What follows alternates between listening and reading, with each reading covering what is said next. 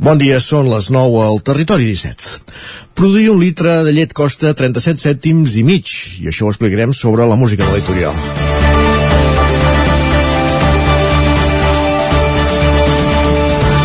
Ara sí, arrenquem, que no ha estat res. Produir un litre de llet, com, com dèiem, costa 35, 37 cèntims i mig. Actualment els ramaders que treballen sota el paraigua de la cooperativa Plana de Vic i Vaquers d'Osona en cobren 4 cèntims menys per cada litre que lliuren a Calidad Pasqual, tal com explicava ahir en aquest programa el gerent de la cooperativa de Vic, Daniel Bassas. Que se't pagui per sota d'una feina menys que se't pagui per sota una feina menys del que et costa fer-la trenca amb qualsevol principi del negoci.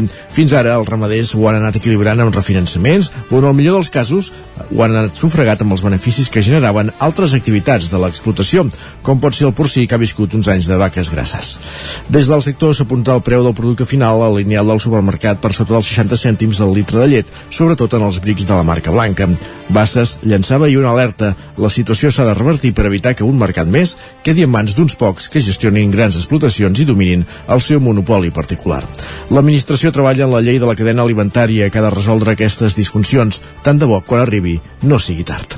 Comença el Territori 17 a la sintonia de la veu de Sant Joan, Ona Codinenca, Ràdio Cardedeu, Ràdio Vic, el 9 FM i el 9 TV. Territori 17, amb Isaac Moreno i Jordi Sunyer.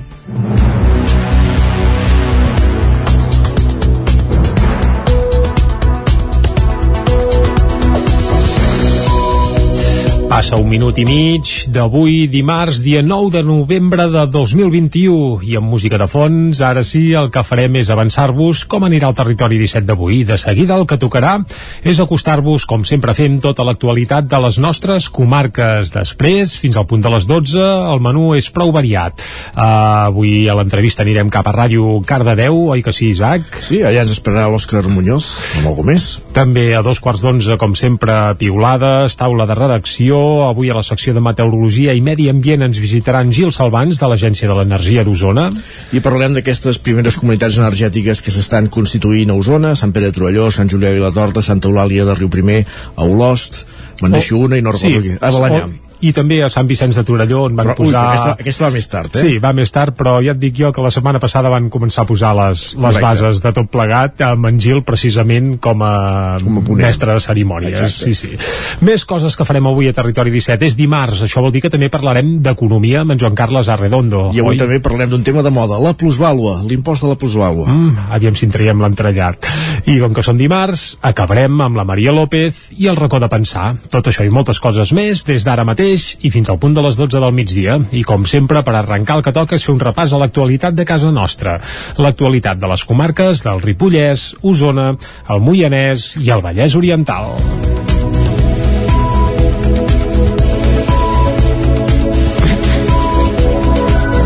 Un conductor begut atropella dos agents de la Guàrdia Urbana de Vic que feien un control d'alcoholèmia.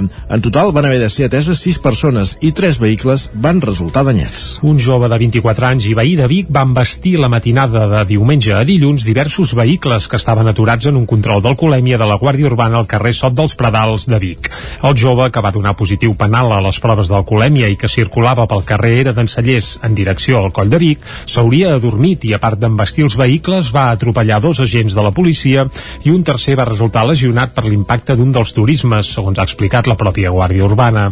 Tots tres van resultar eh, ferits amb politraumatismes i pendents de possibles lesions de lligaments del genoll. Els fets van passar poc abans de les 4 de la matinada. Contra el conductor dels vehicles s'han instruït diligències per un delicte contra la seguretat del trànsit i per les lesions provocades als agents i a la resta de conductors. En total van haver de ser ateses sis persones que es trobaven a la zona i van resultar danyats tres vehicles. Centenars de persones es concentren a la plaça Fra Bernadí de Manlleu convocats per una plataforma que demana més seguretat i civisme. L'objectiu era començar a recollir signatures i constatar la preocupació a peu de carrer.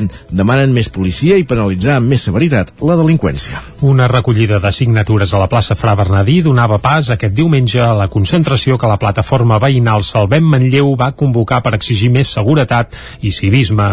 En van recollir 2.130 de signatures, una xifra que esperen fer créixer en els propers dies. L'objectiu de la concentració era fer evident el clima d'inseguretat i frenar l'onada de robatoris dels últims dies, les ocupacions il·legals i els actes vandàlics a cotxes i establiments. Escoltem per aquest ordre a Joan Pérez, David Fresneda, Maria Dolors Graboleda i Joan Josep Martínez, tots ells veïns de Manlleu. Home, que hi ha molts robatoris aquí a Manlleu últimament, però és que és, és, que és cada dia això, cada dia. Però no pot ser. Jo no veig que els senyors municipals ni els Mossos d'Esquadra fotin res. Ja ho sé que no els poden ni tocar, però és que no vigilen ni foten res, jo no els veig mai. Nosaltres ens hem trobat aparcar el cotxe al carrer el dia següent vidres trencats, casa dels veïns a entrar, arribar un dia de sopar, trobar els Mossos que estan fent partes eh, a casa de, de gent del final del carrer i bueno, amb els últims anys s'ha accentuat molt. Jo sóc de Manlleu de tota la vida, no s'havia vist mai això, nosaltres teníem la clau al pany, ara els pisos han de tenir reixes perquè no t'entrin, has de tenir alarmes perquè d'allò, es passen també les alarmes per allà on siguin. És impossible controlar-ho tot, però això no és, no és aquí no és aquí a l'Ajuntament que hem de queixar-nos i tot. Això haurien d'anar els jutges que són els que els deixen anar, perquè n'hi ha que els han agafat 5 o 6 vegades i tant ells. Malgrat que l'acte no hi va assistir cap representant del consistori, els membres de la plataforma volen establir vies de col·laboració amb l'Ajuntament. Demanen una comissaria dels Mossos d'Esquadra a Manlleu i penalitzacions més severes pels autors dels actes delictius. Dijous ja hi va haver una primera reunió entre els veïns eh, i l'Ajuntament, precisament. Montse Piella és membre de la plataforma veïnal. Uh, ells uh, entenen la nostra proposta, uh, ells ens apoyen perquè el que volen és un, un, un conjunt, un grup, una plataforma que no hi hagi darrere um, polítics, que es pugui obrir una porta a que ells puguin potser treballar i empènyer una mica més fort per aconseguir el que ens, eh, els estem plantejant. Des d'aquest cap de setmana, la plataforma disposa d'un correu electrònic i un compte d'Instagram on els veïns poden canalitzar iniciatives i propostes. Els seus promotors asseguren que són els únics canals oficials i es desmarquen així de, de perfils que han aparegut a Twitter i a Facebook que repiulen en nom seu missatges de grups d'extrema dreta. Francesc Lorente és membre de la plataforma veïnal. El que volíem deixar clar és això, som gent del poble, no som cap partit polític, això no va de races, no va de religions, no va de gènere, simplement va d'aquesta inseguretat que es viu aquí a Manlleu i d'altres municipis també, però jo ara estic mirant quan estem visquent nosaltres com a veïns. Després de l'èxit de diumenge, els veïns asseguren que hi haurà més convocatòries. Càrnies en lluita i el sindicat COS es van concentrar dissabte davant les instal·lacions de l'empresa Costa Food Meat a Gurb. I protestaven contra l'acomiadament de sis treballadors que reclamaven mantenir l'antiguitat prèvia al canvi de titularitat de l'empresa i intentaven organitzar-se sindicalment. Segons Càrnies en lluita, a la, seguretat, a la Seguretat Social, els sis casos consten com a baixes voluntàries, sense que els afectats hagin signat res i, per tant, sense dret a l'atur. Xeri Ciau es un dels treballadors afectats. El lunes día 2 hemos subido como siempre para trabajar a las 4 de la mañana. Hemos venido hasta la puerta y estaba el encargado general y el representante de Villano Valles. Dicen que nosotros no podemos entrar, los trabajadores de Villano Valles no pueden entrar en la sala a las 4 de la mañana, sin aviso, sin nada. Pues yo le pregunto desde juez, dicen que es un orden de Costa Food. Després de dos intents de conciliació fallits, els treballadors estan ara pendents de judici. Més qüestions, anem cap al Ripollès. Torna a haver-hi dues persones ingressades per coronavirus a l'Hospital de Can de Bànol i la taxa de positivitat creix al Ripollès. Isaac Muntades, des de la veu de Sant Joan. Després d'un temps en què l'Hospital de Can de Bànol no tenia cap pacient ingressat per Covid-19, actualment hi ha dues persones hospitalitzades per aquesta malaltia i això que la situació epidemiològica del Ripollès no és preocupant ni molt menys. Per exemple, l'índex del risc de rebrot és de 188 punts si es mira la darrera setmana que hi han dades, la del 28 d'octubre al 3 de novembre, quan fa un parell de setmanes s'acostava als 250 punts. La taxa de propagació del virus URT també ha caigut en picat, passant dels 2,47 als 1,03 punts, un fet que denota que no hi ha massa transmissió de la malaltia i permet pintar el mapa del Ripollès de color groc. Això sí, els casos detectats de coronavirus sí que han augmentat lleugerament i en aquest període se n'han detectat 22 pels 18 de fa 15 dies. A més, la taxa de positivitat s'acosta perillosament al llindar del 5% i ja és del 4,76%. El director de l'àrea bàsica de Ripoll, Sant Joan de les Abadeses i Camprodon, Pedro Cabrero, ja advertia d'aquest fet. Què ens estem trobant? Que estan augmentant el número de proves que són positives cribatges. Això es deu segurament a dos, dos factors, a la relaxació de mesures, a que pensar que la vacuna és absolutament eh, és protectora, i recordem una cosa, cap de les vacunes que actualment estan en el mercat són erradicadores. Funcionen i funcionen molt bé per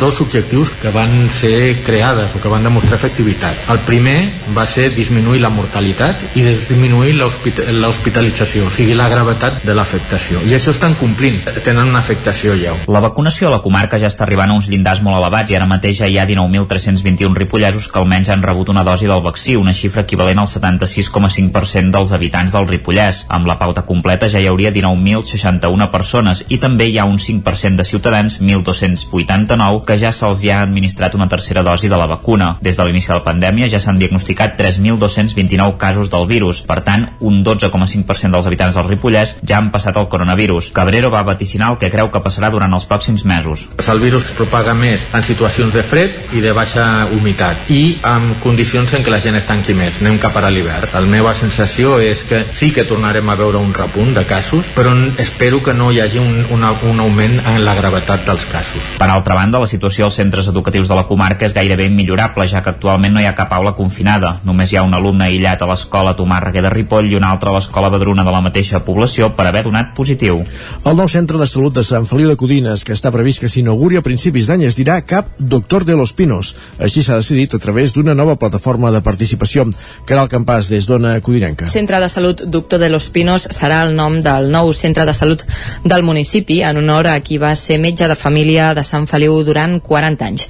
Per primera vegada al municipi la decisió s'ha pres a través d'una consulta popular que s'ha realitzat a través del portal Participa 311 durant aquesta passada setmana.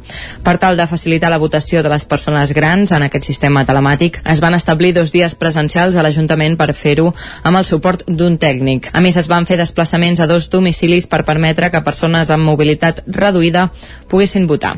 Finalment han votat 309 persones. Això vol dir que hi han participat un 6,53% de codinencs si ens basem en el cens de les eleccions del 14 de febrer, que eren de 4.726 persones. El nom ha guanyat d'entre tres opcions on també hi havia Cap La Fonteta, que ha rebut 71 vots, i Cap Sant Feliu, que ha rebut 33 vots. El nom de De Los Pinos ha rebut 205 vots.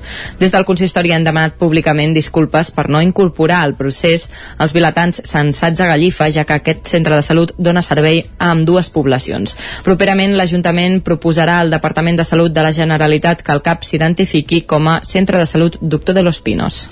La plataforma d'afectats per la hipoteca de Catalunya ha instat els regidors de Junts a retirar les esmenes que han presentat a la llei antidesnonaments. A Cardedeu, la plataforma va intentar lliurar divendres passat un escrit als regidors del poble.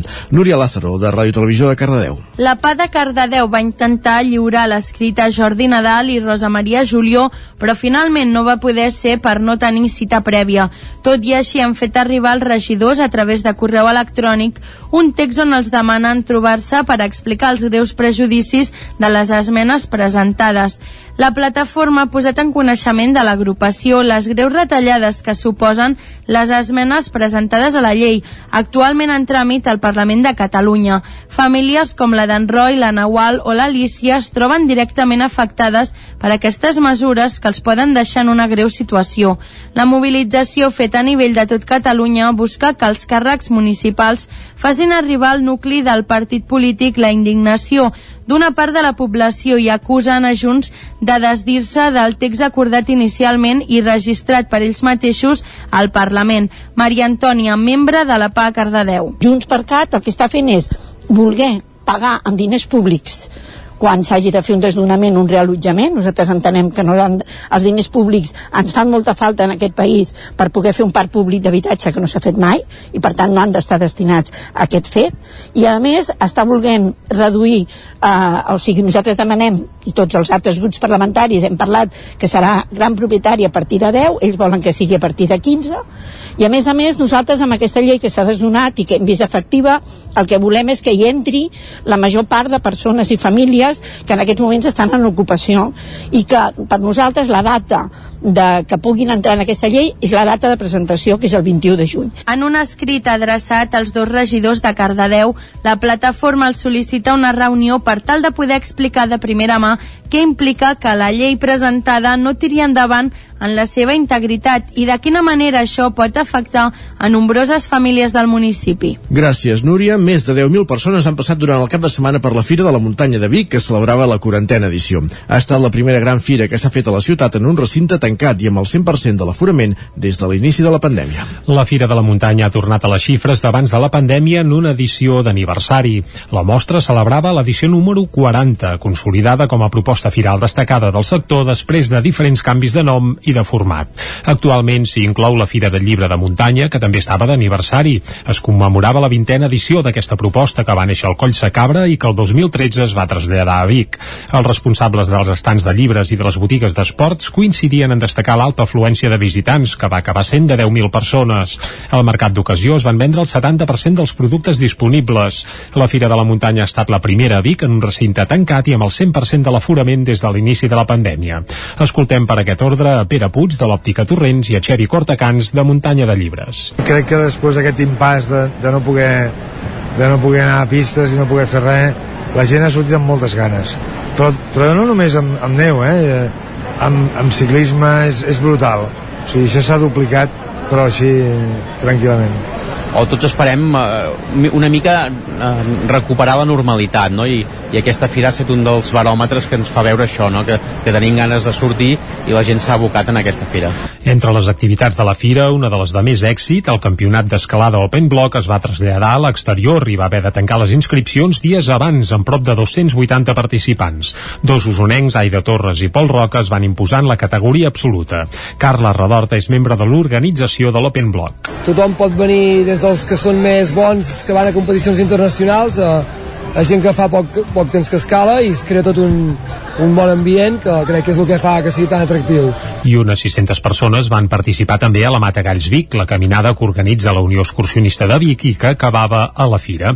També celebrava la quarantena edició. Núria Macià és la presidenta de la Unió Excursionista de Vic. Hem fet un recorregut nou, hem recuperat algun tram d'algun altre any i algun tram nou i bueno, eh, sempre doncs intentem que sigui una mica diferent. La Fira també va incloure xerrades, presentacions de llibres, la icònica escalada a la xamaneia del sucre o la pedalada familiar que va plegar gairebé 250 persones. Passen gairebé dos minuts d'un quart de 10. Fem una parada en el relat informatiu, però anem a conèixer la previsió meteorològica. I aquesta és la costa cada dia en Pep Acosta.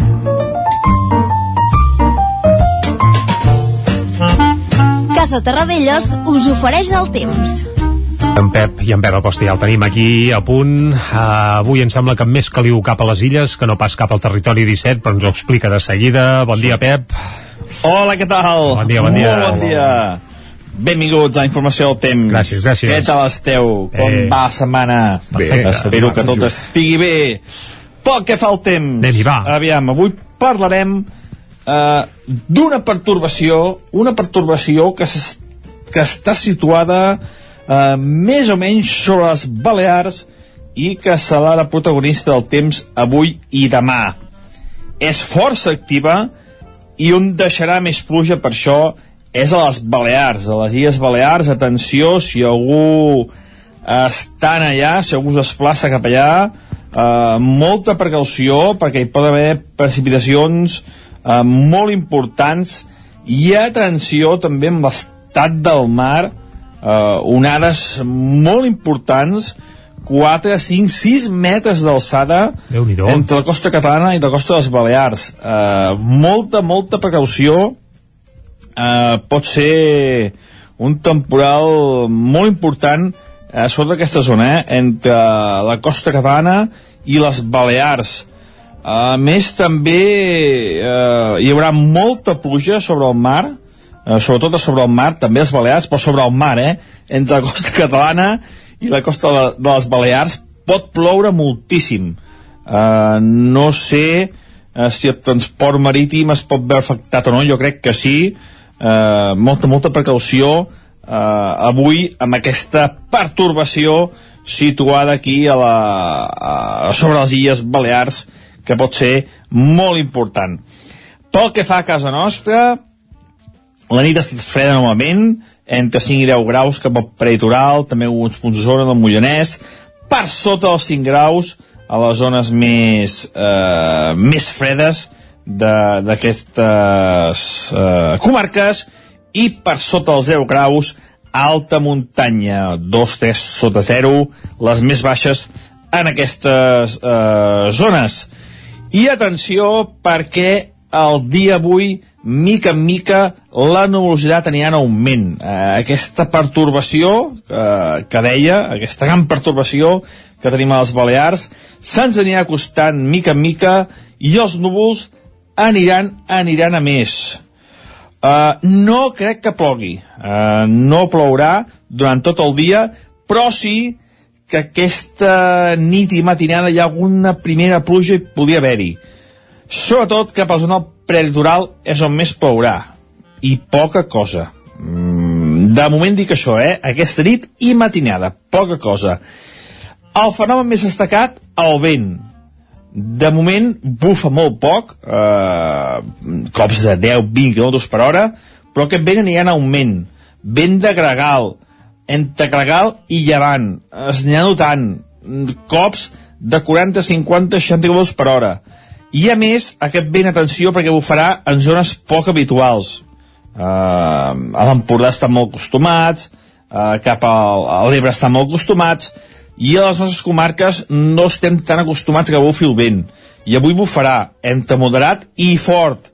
Uh, fort sobretot a les zones més altes de les muntanyes. Però en les poblacions uh, pot bufar això, eh, entre 40, 50, 60 km per hora. No estem gaire acostumats, precaució, amb el vent. Les temperatures màximes, molt semblants a les d'ahir, ambient força agradable de cara al migdia. Demà aquesta perturbació sembla que s'acostarà més a les nostres comarques i plourà. Veurem, eh? hi ha mapes que estan ballant, mm, jo tinc l'esperança de que sí, l'esperança sovint que es perd, diuen, i tinc aquesta esperança de que, de que plogui, però veurem què acaba, què acaba passant. Demà al matí ho afinarem una mica més. Avui, el que deia, eh, sobretot precaució a les Balears, i si aneu cap allà, molta precaució. No ho tenia previst. I a casa nostra també, no. eh, molt de compte amb el vent, que serà entre moderat i fort a moltes, moltes poblacions. Moltíssimes gràcies. A tu. I demà anirem explicant aquesta perturbació, quins estralls està causant, quines precipitacions i com es comporta. Moltes gràcies. Adéu. Ja que no podem anar a les illes, com a mínim anem a conèixer què diuen les portades dels diaris, no Jordi? Doncs va, ventilats, això sí, però anem cap a veure què diu el quiosc. Anem-hi. Casa Tarradellas us ha ofert aquest espai. Territori 17. Envia'ns les teves notes de veu per WhatsApp al 646 079 023. 646 079 023. WhatsApp Territori 17.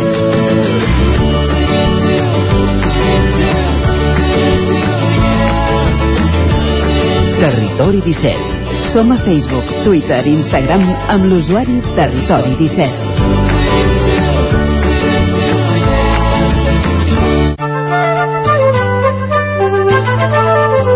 Doncs ràpidament repassem portades, comencem Vinga. per les del punt avui. Correcte, comencem pel punt avui, que parlen de règim obert per a condemnes menors, i és que sembla que s'està preparant una mica de reforma amb temes penitenciaris i hi hauria semillibertat directa pels condemnats a penes de fins a 3 anys. Això sí, aquest pla pilot, eh, aquí dintre no hi hauria eh, bé s'exclourien casos de corrupció i també delictes sexuals. Això apunta el punt avui a la portada. La fotografia és per Xavi, que diuen Xavi torna a casa per posar ordre. I també hi apareix a Badalona. Badalona hi va oficialitzar la fi de Garcia Albiol. La fi, de moment diríem la fi de moment, perquè aquest home té més vides que un gat. Anem cap a l'ara, va. El debat intern decanta la CUP cap a l'esmena a la totalitat. Recordem que aquest proper cap de setmana hi ha votació a la CUP i les votacions a Can Aquell- CUP sempre, que amb sempre passen coses. coses, no? Ah, exacte, han de decidir si aproven, donen el vistiplau o no la tramitació dels pressupostos de la Generalitat.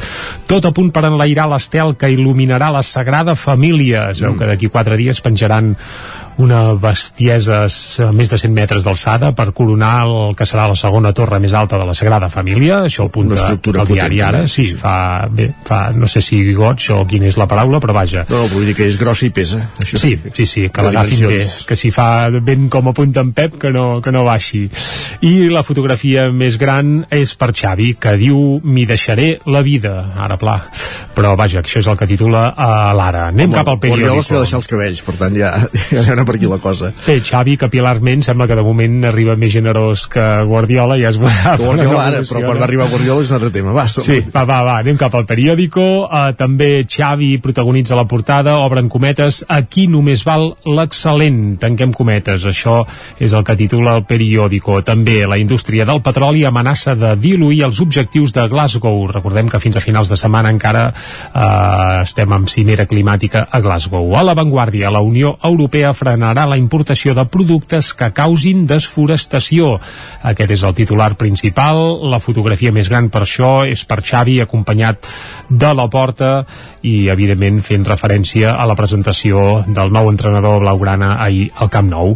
Anem a fer un cop d'ull a les portades que s'editen a Madrid. Comencem pel país. Les les, a les catalanes de totes quatre ha sortit en Xavi, eh? No sé, Sí. ara veurem les de Madrid. No, les de Madrid ja et dic jo que no. Uh, les autonomies re reclamen que el fons Covid uh, s'estengui tot el 2022. La fotografia, sorprenentment, al país és per García Albiol i diu Badalona destitueix Albiol pels papers de Pandora, això titulen el país. Anem cap al Mundo.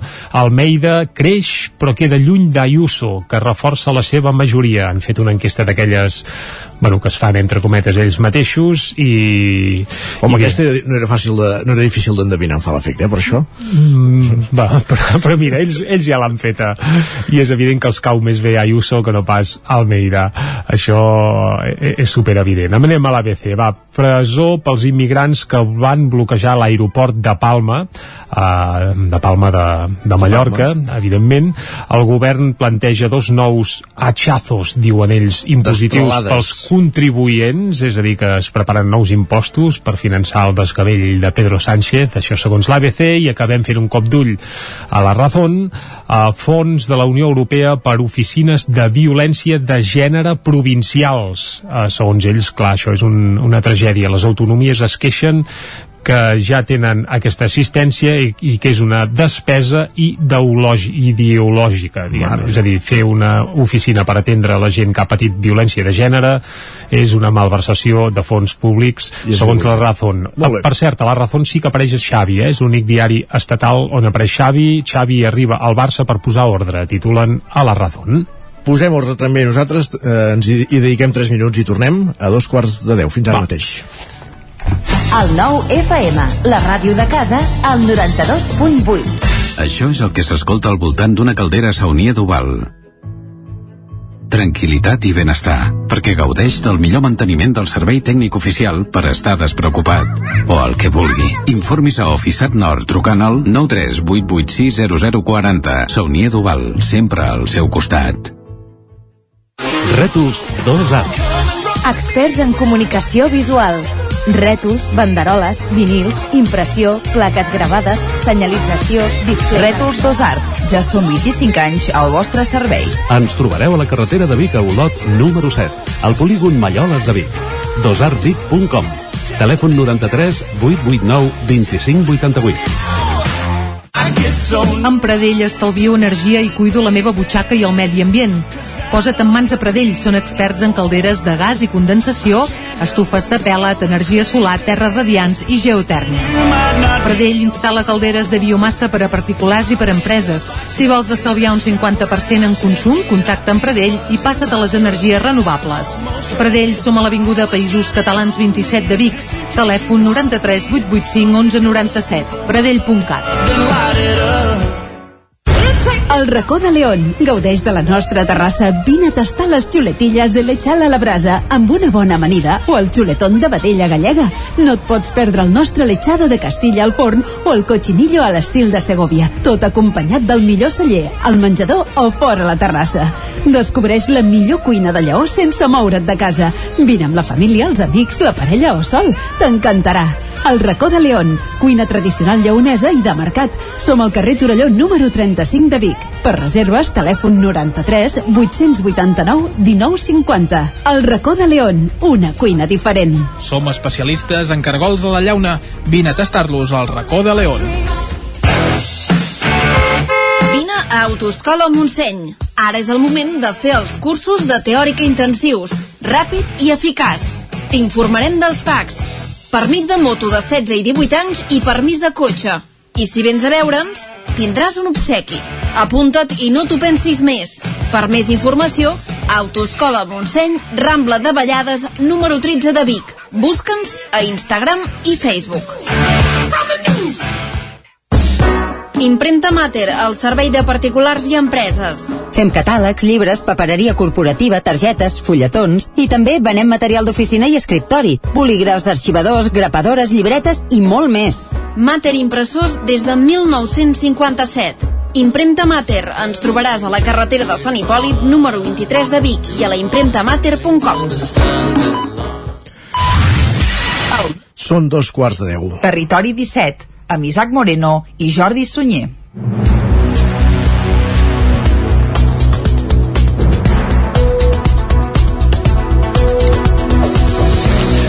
I a dos quarts de deu en punt, el que toca és acostar-vos de seguida a tota l'actualitat de les nostres comarques. Avui que som dimarts, dia 9 de novembre de 2021.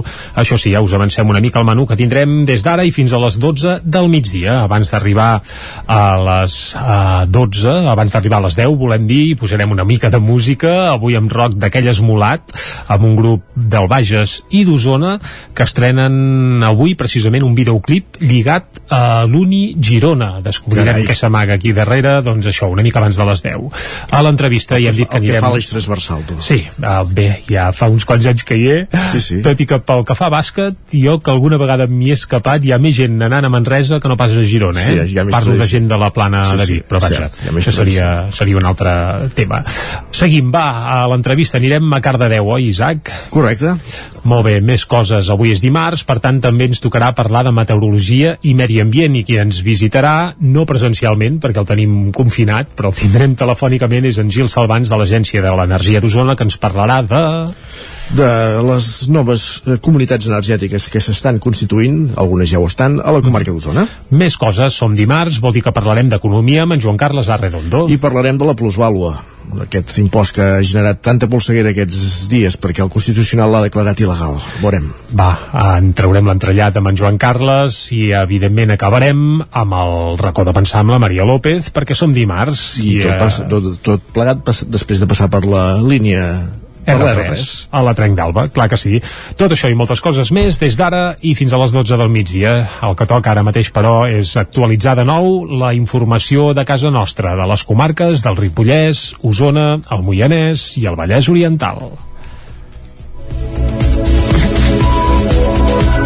Un conductor begut atropella dos agents de la Guàrdia Urbana de Vic que feien un control d'alcoholèmia. En total van haver de ser ateses sis persones i tres vehicles van resultar danyats. Un jove de 24 anys i veí de Vic va embestir la matinada de diumenge a dilluns diversos vehicles que estaven aturats en un control d'alcoholèmia de la Guàrdia Urbana al carrer Sot dels Pradals de Vic.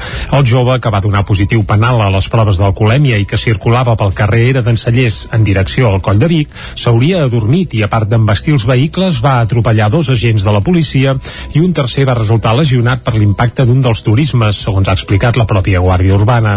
Tots tres van resultar eh, ferits amb politraumatismes i pendents de possibles lesions de lligaments del genoll. Els fets van passar poc abans de les 4 de la matinada. Contra el conductor dels vehicles s'han instruït diligències per un delicte contra la seguretat del trànsit i per les lesions provocades als agents i a la resta de conductors. En total van haver de ser ateses sis persones que es trobaven a la zona i van resultar danyats tres vehicles. Centenars de persones es concentren a la plaça Fra Bernadí de Manlleu convocats per una plataforma que demana més seguretat i civisme. L'objectiu era començar a recollir signatures i constatar la preocupació a peu de carrer. Demanen més policia i penalitzar amb més severitat la delinqüència. Una recollida de signatures a la plaça Fra Bernadí donava pas aquest diumenge a la concentració que la plataforma veïnal Salvem Manlleu va convocar per exigir més seguretat i civisme. En van recollir 2.130 de signatures, una xifra que esperen fer créixer en els propers dies. L'objectiu de la concentració era fer evident el clima d'inseguretat i frenar l'onada de robatoris dels últims dies, les ocupacions il·legals i els actes vandàlics a cotxes i establiments. Escoltem per aquest ordre a Joan Pérez, David Fresneda, Maria Dolors Graboleda i Joan Josep Martínez, tots ells veïns de Manlleu. Home, que hi ha molts robatoris aquí a Manlleu últimament, és que és, és, que és cada dia això, cada dia. Això no pot ser, tu. Jo no veig que els senyors municipals ni els Mossos d'Esquadra fotin res. Ja ho sé que no els poden ni tocar, però és que no vigilen ni foten res, jo no els veig mai. Nosaltres ens hem trobat aparcar el cotxe al carrer el dia següent vidres trencats, casa dels veïns a entrar, arribar un dia de sopar, trobar els Mossos que estan fent partes eh, a casa de, de gent del final del carrer i bueno, amb els últims anys s'ha accentuat molt. Jo sóc de Manlleu de tota la vida, no s'havia vist mai això, nosaltres teníem la clau al pany, ara els pisos han de tenir reixes perquè no t'entrin, has de tenir alarmes perquè d'allò, es passen també les alarmes per allà on siguin. És impossible controlar-ho tot, però això no és, no és aquí no és aquí a l'Ajuntament que hem de queixar-nos i tot. Això haurien d'anar els jutges que són els que els deixen anar, perquè n'hi ha que els han agafat 5 o 6 vegades i tant ells. Malgrat que l'acte no hi va assistir cap representant del consistori, els membres de la plataforma volen establir vies de col·laboració amb l'Ajuntament. Demanen una comissaria dels Mossos d'Esquadra a Manlleu i penalitzacions més severes pels autors dels actes delictius. Dijous ja hi va haver una primera reunió entre els veïns eh, i l'Ajuntament, precisament. Montse Piella és membre de la plataforma veïnal. Uh, ells uh, entenen la nostra proposta, uh, ells ens apoyen perquè el que volen és un, un, un conjunt, un grup, una plataforma que no hi hagi darrere um, polítics, que es pugui obrir una porta a que ells puguin potser treballar i empenyar una mica més fort per aconseguir el que ens, eh, els estem plantejant. Des d'aquest cap de setmana, la plataforma disposa d'un correu electrònic i un compte d'Instagram on els veïns poden canalitzar iniciatives i propostes. Els seus promotors asseguren que són els únics canals oficials i es desmarquen així de, de perfils que han aparegut a Twitter i a Facebook que repiulen en nom seu missatges de grups d'extrema dreta. Francesc Lorente és membre de la plataforma veïnal. El que volíem deixar clar és això, som gent del poble, no som cap partit polític, això no va de races, no va de religions, no va de gènere, simplement va d'aquesta inseguretat que es viu aquí a Manlleu i d'altres municipis també, però jo ara estic mirant per on estem visquent nosaltres com a veïns. Després de l'èxit de diumenge, els veïns asseguren que hi haurà més convocatòries. Càrnies en lluita i el sindicat COS es van concentrar dissabte davant les instal·lacions de l'empresa Costa Food Meat a Gurb. I protestaven contra l'acomiadament de sis treballadors que reclamaven mantenir l'antiguitat prèvia al canvi de titularitat de l'empresa i intentaven organitzar-se sindicalment. Segons Càrnies en lluita, a la, seguretat, a la Seguretat Social, els sis casos consten com a baixes voluntàries, sense que els afectats hagin signat res i, per tant, sense dret a l'atur. Xeri Ciau es un dels treballadors afectats. El lunes día 2 hemos subido como siempre para trabajar a las 4 de la mañana. Hemos venido hasta la puerta y estaba el encargado general y el representante de Villano Valles. Dicen que nosotros no podemos entrar, los trabajadores de Villano Valles no pueden entrar en la sala a las 4 de la mañana, sin aviso, sin nada. Pues yo le pregunto desde hoy, dice que es un orden de Costa Food. Després de dos intents de conciliació fallits, els treballadors estan ara pendents de judici. Més qüestions, anem cap al Ripollès. Torna a haver-hi dues persones ingressades per coronavirus a l'Hospital de Can de Bànol i la taxa de positivitat creix al Ripollès. Isaac Muntades, des de la veu de Sant Joan. Després d'un temps en què l'Hospital de Can de Bànol no tenia cap pacient ingressat per Covid-19, actualment hi ha dues persones hospitalitzades per aquesta malaltia i això que la situació epidemiològica del Ripollès no és preocupant ni molt menys. Per exemple, l'índex del risc de rebrot és de 188 punts es mira la darrera setmana que hi han dades, la del 28 d'octubre al 3 de novembre, quan fa un parell de setmanes s'acostava als 250 punts. La taxa de propagació del virus URT també ha caigut en picat, passant dels 2,47 als 1,03 punts, un fet que denota que no hi ha massa transmissió de la malaltia i permet pintar el mapa del Ripollès de color groc. Això sí, els casos detectats de coronavirus sí que han augmentat lleugerament i en aquest període se n'han detectat 22 pels 18 de fa 15 dies. A més, la taxa de positivitat s'acosta perillosament al llindar del 5% i ja és del 4,76%. El director de l'àrea bàsica de Ripoll, Sant Joan de les Abadeses i Camprodon, Pedro Cabrero, ja advertia d'aquest fet. Què ens estem trobant? Que estan augmentant el número de proves que són cri- positives cribratges. Això es deu segurament a dos, dos factors, a la relaxació de mesures, a que pensar que la vacuna és absolutament eh, és protectora, i recordem una cosa, cap de les vacunes que actualment estan en el mercat són eradicadores. Funcionen i funcionen molt bé per dos objectius que van ser creades o que van demostrar efectivitat. El primer va ser disminuir la mortalitat i disminuir l'hospita- l'hospitalització, o sigui, la gravetat de l'afectació. I això estan complint, tenen una afectació lleu. La vacunació a la comarca ja està arribant a uns llindars molt elevats i ara mateix hi ha 19.321 ripollesos que almenys han rebut una dosi del vaccí, una xifra equivalent al 76,5% dels habitants del Ripollès. Amb la pauta completa ja hi hauria 19.061 persones i també hi ha un 5% de ciutadans, 1.289, que ja se'ls hi ha administrat una tercera dosi de la vacuna. Des de l'inici de la pandèmia ja s'han diagnosticat 3.229 casos del virus. Per tant, un 12,5% dels habitants del Ripollès ja han passat el coronavirus. Cabrero va vaticinar el que creu que passarà durant els pròxims mesos. El virus es propaga més en situacions de fred i de baixa humitat i en condicions en què la gent es tanqui més, anem cap a l'hivern. La meva sensació és que sí que tornarem a veure un repunt de casos, però espero que no hi hagi un, una, un augment en la gravetat dels casos. Per altra banda, la situació als centres educatius de la comarca és gairebé immillorable, ja que actualment no hi ha cap aula confinada. Només hi ha un alumne aïllat a l'escola Tomàrrega de Ripoll i un altre a l'escola Badruna de la mateixa població per haver donat positiu. El nou centre de salut de Sant Feliu de Codines, que està previst que s'inauguri a principis d'any, es dirà CAP Doctor de los Pinos. Així s'ha decidit a través d'una nova plataforma de participació. Caral Campàs, des d'Ona Codinenca. Centre de Salut Doctor de los Pinos serà el nom del nou centre de salut del municipi en honor a qui va ser metge de família de Sant Feliu durant 40 anys. Per primera vegada al municipi la decisió s'ha pres a través d'una consulta popular que s'ha realitzat a través del portal Participa 311 durant aquesta passada setmana. Per tal de facilitar la votació de les persones grans en aquest sistema telemàtic, es van establir dos dies presencials a l'Ajuntament per fer-ho amb el suport d'un tècnic. A més, es van fer desplaçaments a dos domicilis per permetre que persones amb mobilitat reduïda poguessin votar. Finalment han votat 309 persones. Això vol dir que hi han participat un 6,53% de codinencs si ens basem en el cens de les eleccions del 14 de febrer, que eren de 4.726 persones. El nom ha guanyat d'entre tres opcions on també hi havia Cap La Fonteta, que ha rebut 71 vots, i Cap Sant Feliu, que ha rebut 33 vots. El nom de De Los Pinos ha rebut 205 vots. Des del consistori han demanat públicament disculpes per no incorporar al procés els vilatans censats a Gallifa, ja que aquest centre de salut dona servei a dues poblacions. Properament, l'Ajuntament proposarà al Departament de Salut de la Generalitat que el CAP s'identifiqui com a Centre de Salut Doctor de los Pinos. La plataforma d'afectats per la hipoteca de Catalunya ha instat els regidors de Junts a retirar les esmenes que han presentat a la llei antidesnonaments. A Cardedeu, la plataforma va intentar lliurar divendres passat un escrit als regidors del poble. Núria Lázaro, de Ràdio Televisió de Cardedeu. La PA de Cardedeu va intentar lliurar l'escrit a Jordi Nadal i Rosa Maria Julió, però finalment no va poder ser per no tenir cita prèvia. Tot i així han fet arribar als regidors a través de correu electrònic un text on els demanen trobar-se per explicar els greus prejudicis de les esmenes presentades.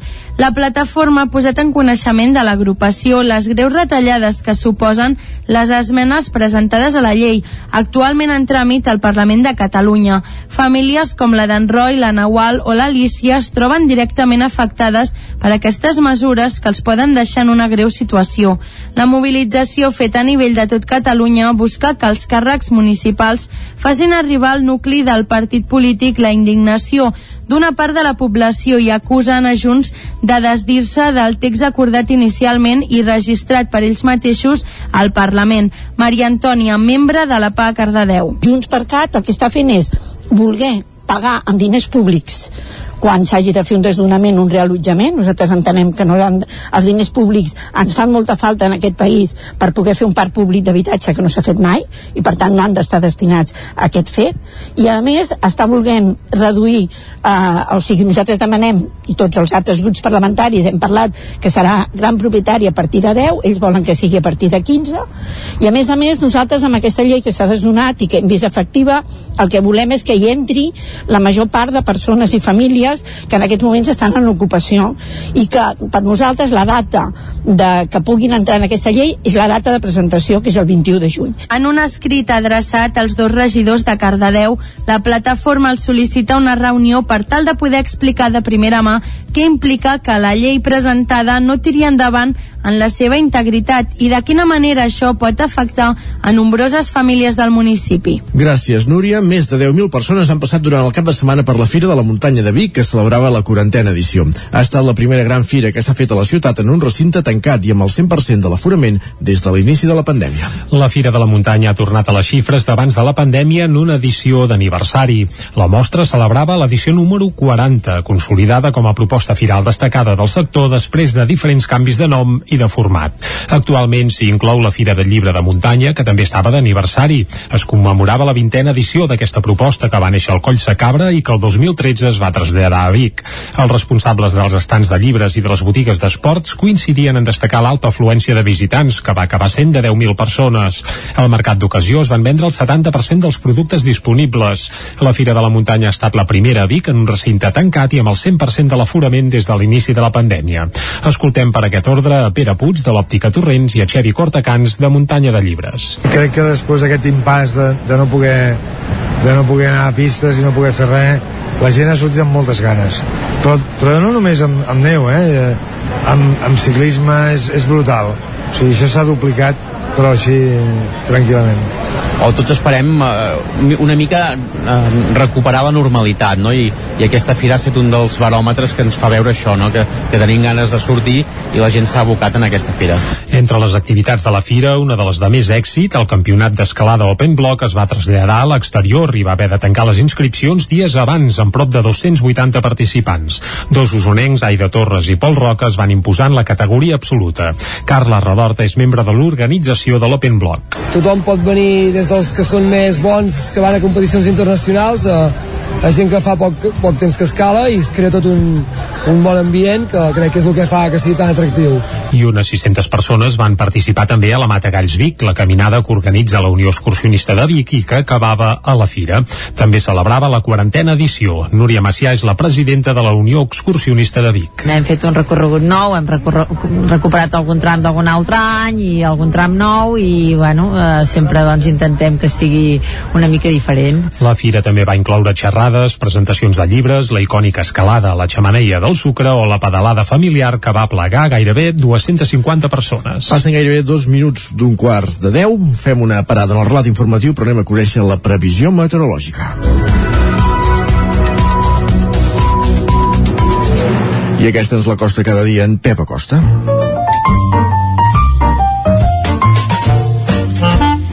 Casa Terradellos us ofereix el temps. En Pep i en Pep Acosta ja el tenim aquí a punt. Uh, avui em sembla que més caliu cap a les illes que no pas cap al territori 17, però ens ho explica de seguida. Bon dia, Pep. Hola, què tal? Bon dia, bon dia. Molt bon dia. Benvinguts a Informació del Temps. Gràcies, gràcies. Què tal esteu? Com Eh. va la setmana? Perfecte. Espero que tot estigui bé. Pel que fa al temps, Anem-hi, va. aviam, avui parlarem eh, d'una pertorbació, una pertorbació que, s- que està situada eh, més o menys sobre les Balears i que serà la protagonista del temps avui i demà. És força activa i on deixarà més pluja per això és a les Balears, a les Illes Balears, atenció, si algú està allà, si algú es desplaça cap allà, eh, molta precaució perquè hi pot haver precipitacions eh, molt importants i atenció també amb l'estat del mar, eh, onades molt importants, 4, 5, 6 metres d'alçada entre la costa catalana i la costa de les Balears. Eh, molta, molta precaució, eh, pot ser un temporal molt important a sota d'aquesta zona, eh, entre la costa catalana i les Balears. A més, també eh, hi haurà molta pluja sobre el mar, eh, sobretot sobre el mar, també les Balears, però sobre el mar, eh, entre la costa catalana i la costa de, de les Balears pot ploure moltíssim. Uh, no sé uh, si el transport marítim es pot veure afectat o no, jo crec que sí. Uh, molta, molta precaució uh, avui amb aquesta pertorbació situada aquí a la, a, sobre les Illes Balears, que pot ser molt important. Pel que fa a casa nostra, la nit ha estat freda novament, entre 5 i 10 graus cap al peritoral, també alguns punts de zona del Mollanès, per sota dels 5 graus a les zones més, eh, més fredes d'aquestes eh, comarques i per sota dels 10 graus alta muntanya, 2-3 sota 0, les més baixes en aquestes eh, zones. I atenció perquè el dia avui mica en mica la nuvolositat anirà en augment. Eh, aquesta pertorbació eh, que deia, aquesta gran pertorbació que tenim a les Balears, se'ns anirà costant mica en mica i els núvols aniran, aniran a més. Uh, no crec que plogui, uh, no plourà durant tot el dia, però sí que aquesta nit i matinada hi ha alguna primera pluja i podria haver-hi. Sobretot cap a zona prelitoral és on més plourà, i poca cosa. Mm, de moment dic això, eh? Aquesta nit i matinada, poca cosa. El fenomen més destacat, el vent de moment bufa molt poc eh, cops de 10-20 km per hora però aquest vent anirà en augment vent de gregal entre gregal i llevant anirà notant cops de 40, 50, 60 km per hora. I a més aquest vent, atenció perquè bufarà en zones poc habituals. Eh, a l'Empordà estan molt acostumats eh, cap a l'Ebre estan molt acostumats i a les nostres comarques no estem tan acostumats que bufi el vent. I avui bufarà entre moderat i fort uh, fort sobretot a les zones més altes de les muntanyes. Però en les poblacions uh, pot bufar això, eh, entre 40, 50, 60 km per hora. No estem gaire acostumats precaució amb el vent. Les temperatures màximes molt semblants a les d'ahir ambient força agradable de cara al migdia. Demà aquesta perturbació sembla que s'acostarà més a les nostres comarques i plourà. Veurem, eh, hi ha mapes que estan ballant, mm, jo tinc l'esperança de que sí, l'esperança sud que es perd, diuen, i tinc aquesta esperança de que, de que plogui, però veurem què acaba, què acaba passant. Demà al matí ho afinarem una mica més. Avui, el que deia, eh, sobretot precaució a les Balears, i si aneu cap allà, molta precaució. No ho tenia previst. I a casa nostra també, no. eh, molt de compte amb el vent, que serà entre moderat i fort a moltes, moltes poblacions. Moltíssimes gràcies. A tu. I demà anem a explicar aquesta perturbació, quins estralls està causant, quines precipitacions i com es comporta. Moltes gràcies. Adéu. Ja que no podem anar a les illes, com a mínim anem a conèixer què diuen les portades dels diaris, no Jordi? Doncs va, ventilats, això sí, però anem cap a veure què diu el quiosc. Anem-hi. Casa Tarradellas us ha ofert aquest espai. Territori 17. Envia'ns les teves notes de veu per WhatsApp al 646 079 023. 646 079 023. WhatsApp Territori 17.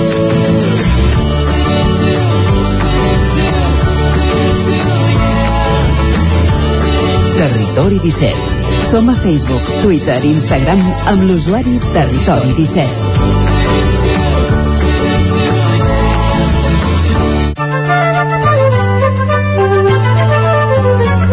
Ràpidament repassem portades, comencem Vinga. per les del punt avui. Correcte, comencem pel punt avui que parlen de règim obert per a condemnes menors i és que sembla que s'està preparant una mica de reforma amb temes penitenciaris i hi hauria semillibertat directa pels condemnats a penes de fins a 3 anys. Això sí, aquest pla pilot, eh, aquí dintre no hi hauria eh, bé s'exclourien casos de corrupció i també delictes sexuals. Això apunta el punt avui a la portada. La fotografia és per Xavi, que diuen Xavi torna a casa per posar ordre. I també hi apareix a Badalona. Badalona ahir va oficialitzar la fi de Garcia Albiol. La fi, de moment diríem la fi de moment, perquè aquest home té més vides que un gat. Anem cap a l'ara, va. El debat intern decanta la CUP cap a l'esmena a la totalitat. Recordem que aquest proper cap de setmana hi ha votació a la CUP i les votacions a Can Aquell- CUP aquelles sempre, que amb sempre empat passen coses. coses, no? Ah, exacte, han de decidir si aproven, donen el vistiplau o no la tramitació dels pressupostos de la Generalitat. Tot a punt per enlairar obrirà l'estel que il·luminarà la Sagrada Família. Es veu que d'aquí quatre dies penjaran una bestiesa a més de 100 metres d'alçada per coronar el que serà la segona torre més alta de la Sagrada Família. Això ho apunta el diari ara. Sí, fa, bé, fa, no sé si goig o quina és la paraula, però vaja. No, vull dir que és grossa i pesa. Això sí, sí, sí, que l'agafin bé, que si fa ben com apunta en Pep, que no, que no baixi. I la fotografia més gran és per Xavi, que diu m'hi deixaré la vida, ara pla. Però vaja, això és el que titula a l'ara. Anem cap al Guardiola es va deixar els cabells, per tant ja, ja anar per aquí la cosa. Bé, Xavi, capil·larment, sembla que de moment arriba més generós que Guardiola, ja es veurà. Guardiola ara, però quan va arribar Guardiola és un altre tema. Va, som Sí, va, va, va, anem cap al periòdico. Uh, també Xavi protagonitza la portada, obren cometes, aquí només val l'excel·lent, tanquem cometes. Això és el que titula el periòdico. També la indústria del petroli amenaça de diluir els objectius de Glasgow. Recordem que fins a finals de setmana encara uh, estem amb cimera climàtica a Glasgow. A l'avantguàrdia, la Unió Europea frenarà la importació de productes que causin desforestació. Aquest és el titular principal. La fotografia més gran per això és per Xavi, acompanyat de la porta i, evidentment, fent referència a la presentació del nou entrenador blaugrana ahir al Camp Nou. Anem a fer un cop d'ull a les portades que s'editen a Madrid. Comencem pel país. Les les, a les catalanes de totes quatre ha sortit en Xavi, eh? No Sí. Ara veurem les de Madrid. No, les de Madrid ja et dic jo que no. Uh, les autonomies re reclamen que el fons Covid uh, s'estengui tot el 2022. La fotografia, sorprenentment, al país és per García Albiol i diu Badalona destitueix Albiol pels papers de Pandora, això titulen el país. Anem cap al Mundo. Almeida creix però queda lluny d'Ayuso, que reforça la seva majoria. Han fet una enquesta d'aquelles bueno, que es fan entre cometes ells mateixos i... Home, i aquesta no era fàcil de, no era difícil d'endevinar, em fa l'efecte, eh, per això. Mm, va, però, però mira, ells, ells ja l'han feta. I és evident que els cau més bé Ayuso que no pas Almeida. Això e- és superevident. Anem a l'ABC, va, presó pels immigrants que van bloquejar l'aeroport de Palma eh, de Palma de, de Mallorca evidentment, el govern planteja dos nous hachazos, diuen ells impositius Destralades. pels contribuents, és a dir, que es preparen nous impostos per finançar el desgavell de Pedro Sánchez, això segons l'ABC, i acabem fent un cop d'ull a la Razón, a fons de la Unió Europea per oficines de violència de gènere provincials. Eh, segons ells, clar, això és un, una tragèdia. Les autonomies es queixen que ja tenen aquesta assistència i, i que és una despesa ideològica, diguem. És a dir, fer una oficina per atendre la gent que ha patit violència de gènere és una malversació de fons públics, segons la Razón. Per cert, a la Razón sí que apareix Xavi, eh? és l'únic diari estatal on apareix Xavi. Xavi arriba al Barça per posar ordre, titulen a la Razón. Doncs Xavi, que ja és a Can Barça i que nosaltres Mm. encarem la darrera hora del territori, la darrera part de la primera hora del territori 17. Doncs mira, per animar el Barça estaria bé que escoltessin el que escoltarem avui, eh? perquè com que els ànims... Bé, ara amb Xavi sembla que, que ja s'ha aixecat una mica tot, eh? però per acabar-ho d'animar jo crec que una mica de rock and roll aniria bé. I és el que escoltarem avui. Escoltarem el més nou de la formació Juriol. Juriol així a Merra, eh? Merra Fluixa. És un grup del Bages i d'Osona que fa uns dies van treure el seu primer disc, el disc es diu T'he trobat, i avui estrenen uh, un videoclip molt especial. Per què? Doncs perquè l'han fet uh, amb les jugadores de l'Uni Girona de bàsquet. És a dir, si aneu al YouTube, des d'aquest matí trobareu aquest videoclip d'aquesta cançó que es diu Cara a Cara, que per cert és la cançó que tanca el seu disc, i aquí s'hi veuen doncs, les jugadores del Girona. Entre doncs, elles la, la Laia Palau, que ha anunciat que, que deixa la selecció després de, de molts anys de jugar-hi. doncs decisió 40 anys, que, que compartim des d'aquí, li enviem una abraçada i a més a més li enviem música, va, que sempre baixa tot millor amb una mica de, de pebre i rock and roll. Cara a cara del juliol, amb això arribarem fins al punt de les 10 aquí a Territori 17.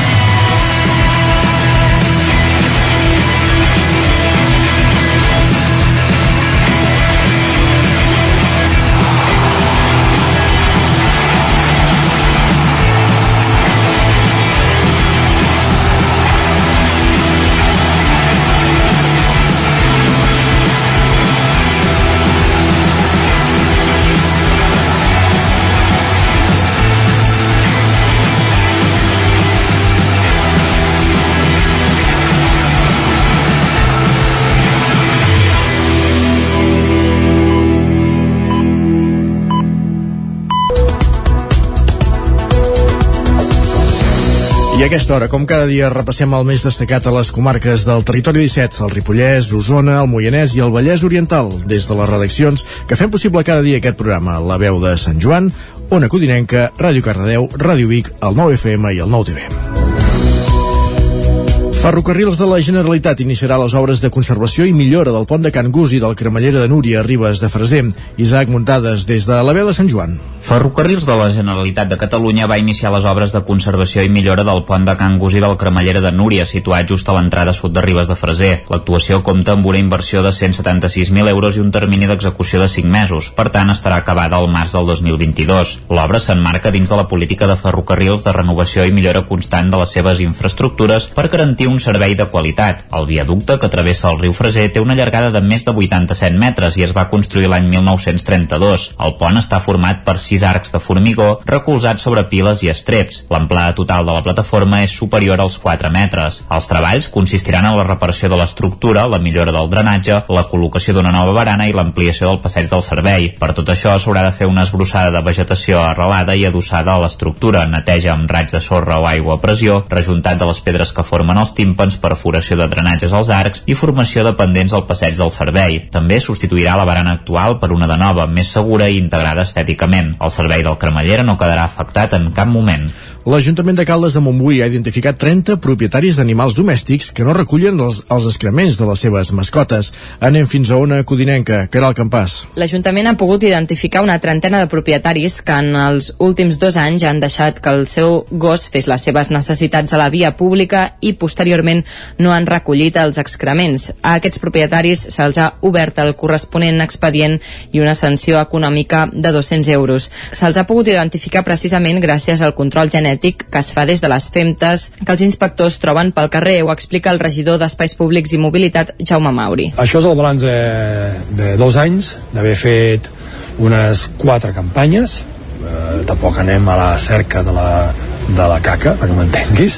Vull dir, eh, nosaltres detectem punts calents, sobretot són parcs infantils, a llocs molt, molt freqüentats per altres gossos, per poder um, evitar que les conductes incíviques segueixin. I d'aquestes quatre campanyes hem tret 30 mostres que han donat positives. Segons el regidor, hi ha la garantia de que les mostres no compten amb cap tipus de manipulació. Nosaltres hem de, hem de ser la, el més objectius i garantistes possible amb, amb aquest tema.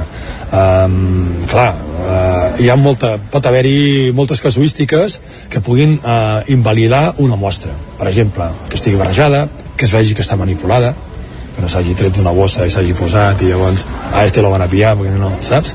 Vull dir, som garantistes però a partir d'aquí eh, aquests que hem pogut donar garanties de custòdia i de no manipulació i de no barreges no se'ls sanciona aquells que no, hi haurà un dia que serà que sí i també se'ls sancionarà Paral·lelament, aquesta tardor es posa en marxa una campanya per comprovar que els propietaris d'animals domèstics tenen censats correctament els seus animals de companyia. L'objectiu és detectar més fàcilment els propietaris de gossos que incompleixen la normativa i deixen les femtes dels seus animals de companyia al mig del carrer. Per això, aquesta tardor, la policia municipal i la gent rural duran a terme una campanya específica per comprovar que els animals de companyia que circulen per la via pública estan degudament censats, tal com estableix l'ordenança municipal vigent.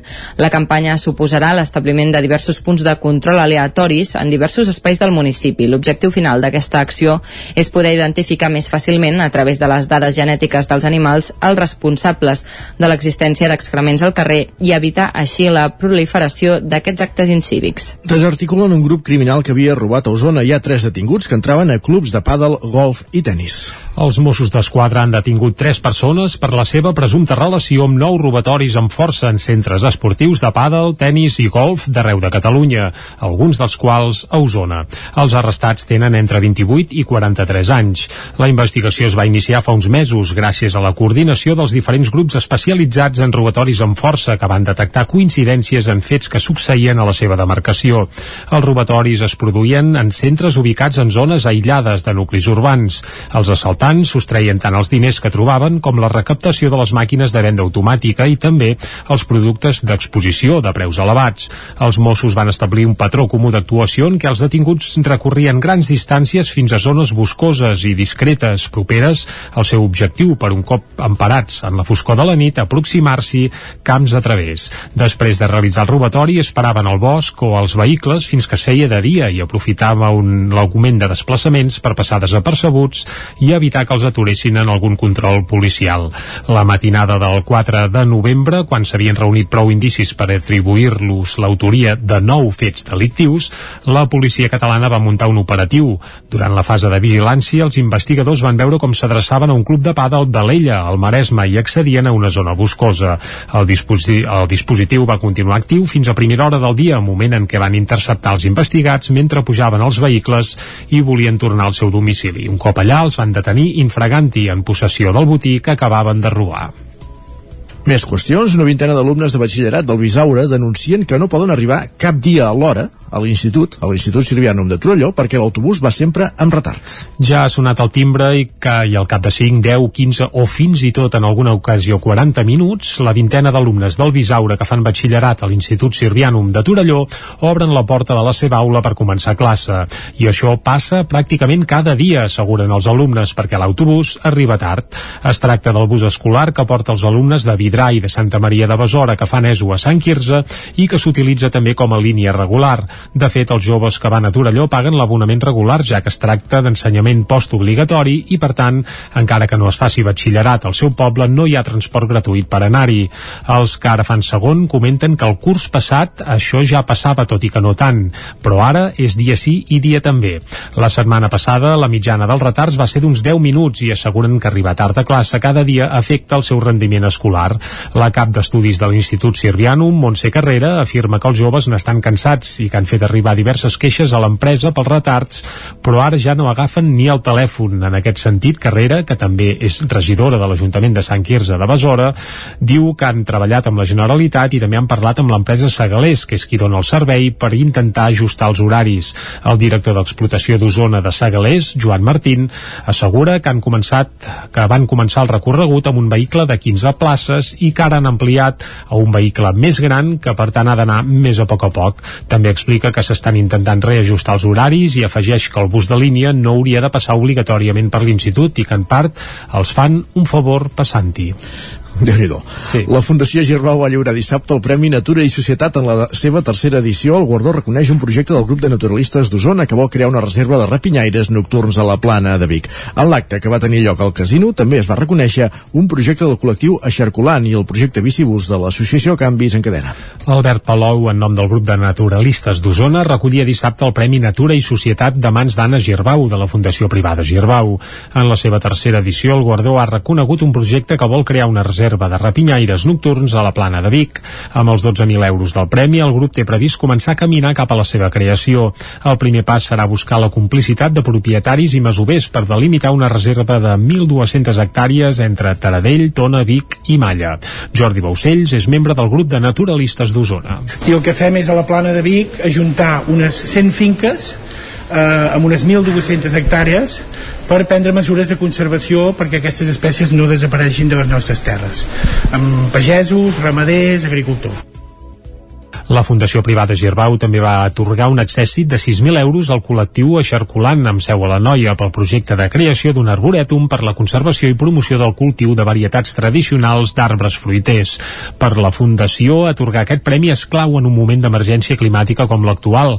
Anna Girbau és la vicepresidenta de la Fundació Privada Girbau. Per nosaltres doncs, representa posar en valor totes aquestes entitats que amb voluntariat i amb el seu dia a dia doncs dediquen el seu temps per la millora de, de l'entorn que, que, que és tan necessari ara mateix, sobretot amb la situació climàtica que tenim.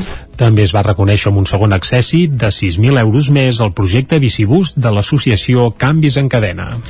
Mor el manlleuenc Constanci Navarro, un fotògraf que durant anys havia retratat el pol cívic i festiu de la ciutat. Conegut a Manlleu com l'home de la càmera, Constanci Navarro va morir diumenge a Manlleu als 77 anys. Navarro ha estat testimoni de l'activitat cívica i festiva de la ciutat retratant-ho tot amb la seva càmera. Fins fa ben poc encara col·laborava al mitjà municipal alter.net. Sònia Sánchez i Pablo Orrega presenten el seu espectacle en diàleg al Teatre Auditori de Cardedeu. Una hora plena de ritme i sentiment on el diàleg entre el so i el moviment es fan evidents des de la butaca. Núria Lázaro, de Ràdio Televisió de Cardedeu. Després de molts anys en el món de la improvisació, la bailaora Sònia Sánchez i en Pablo Rega, guitarrista i improvisador gallec, uneixen el seu art en aquest projecte comú, on a part de trobar-se per primera vegada de manera presencial, mostren la perfecta combinació entre les seves especialitats. Sònia Sánchez. A banda dels nostres dos llenguatges, no, també és la trobada de la persona, una mica, no, de on neixen les creativitats a vegades és molt difícil de saber d'on te pots eh, entreure no? algo creatiu. En Diàleg és un espectacle d'improvisació on els artistes es combinen per crear un ambient sonor i visual que atrapa, una conversa amb els seus alts i baixos, la seva evolució i on sense paraules el diàleg entre l'un i l'altre és evident. Segons la ballarina, en diàleg és una experiència intensa pels dos artistes que després de molt assajar acumulen moltes idees d'on acaben seleccionant el millor per acabar donant forma a l'espectacle. Esports. I a la pàgina esportiva destaquem que el Club Bàsquet Manlleu, fundat el 1975, estrena nova junta amb l'objectiu de consolidar la base i continuar creixent. Des de principis de temporada han passat de 160 a 186 jugadors. Amb un passat industrial molt important, Manlleu compta amb entitats esportives des de 1855, quan naixia l'agrupació Ocellaire com a primera associació de referència en l'àmbit dels esports, si considerem els ocells eh, com a esport, esclar. Posteriorment, el futbol i l'hoquei van contribuir a engrandir l'agenda d'activitats a la ciutat i el 10 d'octubre del 1975 s'hi sumava el Club Bàsquet Manlleu amb l'objectiu d'oferir una proposta basquetbolística a la població. D'això n'han passat gairebé 50 anys i pensant en el futur, sense oblidar aquest mig segle de vivències, el club ha encetat un nou camí aquesta temporada amb una junta plena de cares noves, amb noms com Joan Noguer, que és el nou president, Carles Tamborero, Cecília Garcia o Montse Costa. Des del canvi, el club ha crescut i aquesta temporada ha creat tres nous equips en només aquest últim mes. Dels 160 jugadors amb què van arrencar el curs ja han passat a 186. La falta d'instal·lacions esportives a Manlleu, però, els obliga a conviure a la mateixa pista que el club de futbol sala. Aquesta temporada, el club de bàsquet compta amb equips a totes les etapes base, tant en categoria masculina com femenina, menys un equip sènior masculí en el qual s'està treballant perquè d'aquí un parell d'anys pugui ser una realitat. Són conscients que una entitat no es pot canviar d'un dia per l'altre i comparteixen l'objectiu d'assegurar primer uns bons fonaments. Es tracta, segons el nou president Joan Noguer, de consolidar la base per aconseguir èxits en un futur. Gràcies, Jordi. Acabem aquí aquest repàs informatiu. Tot seguit anirem a l'entrevista per parlar amb Olga Vinyals, directora d'Art Escena Social des de Ràdio Televisió de Cardedeu i en companyia també de l'Òscar Muñoz. Abans, però, un repàs a la previsió meteorològica.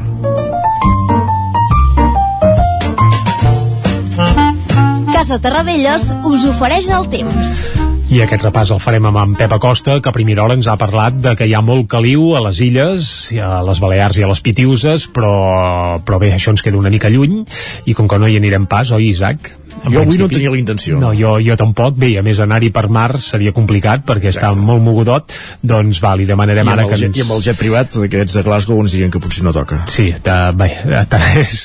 Uh, sigui com sigui, centrem-nos més amb el territori 17. Pep Acosta, molt bon dia.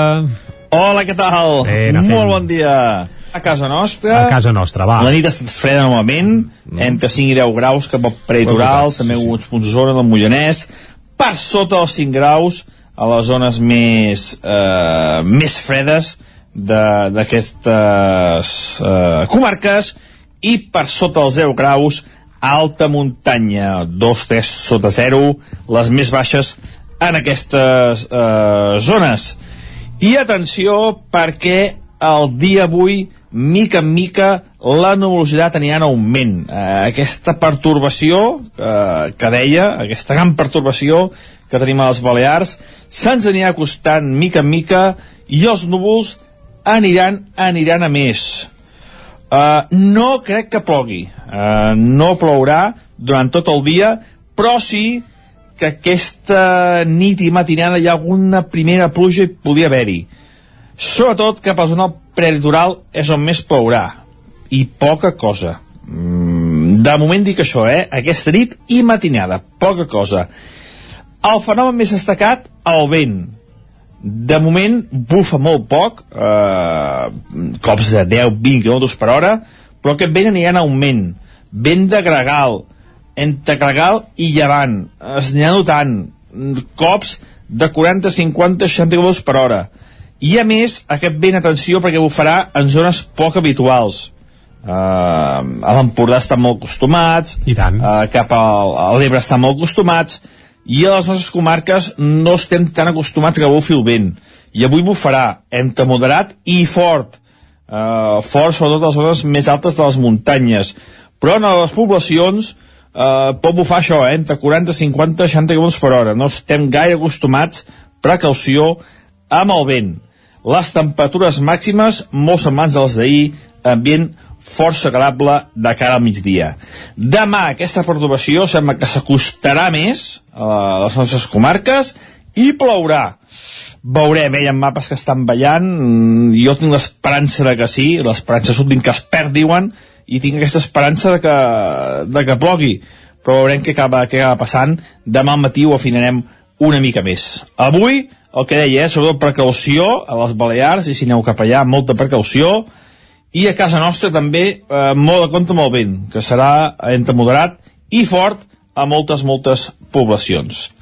Moltíssimes gràcies i demà anirem explicant aquesta pertorbació, quins estralls està causant, quines precipitacions i com es comporta. Veurem. Moltes gràcies, fins demà, adeu. Gràcies a tu, Pep. Vinga, ja ho sabem, si anem a les illes, eh, molt de compte. Exacte. I demà, aviam si cau I alguna si ens cosa. aquí també compta molt vent, que Sempre, sempre, això sempre. Va, molt bé, som-hi, anem a l'entrevista, va. Ara. Casa Tarradellas us ha ofert aquest espai. Territori 17. Envia'ns les teves notes de veu per WhatsApp al 646 079 023. 646 079 023. WhatsApp Territori 17.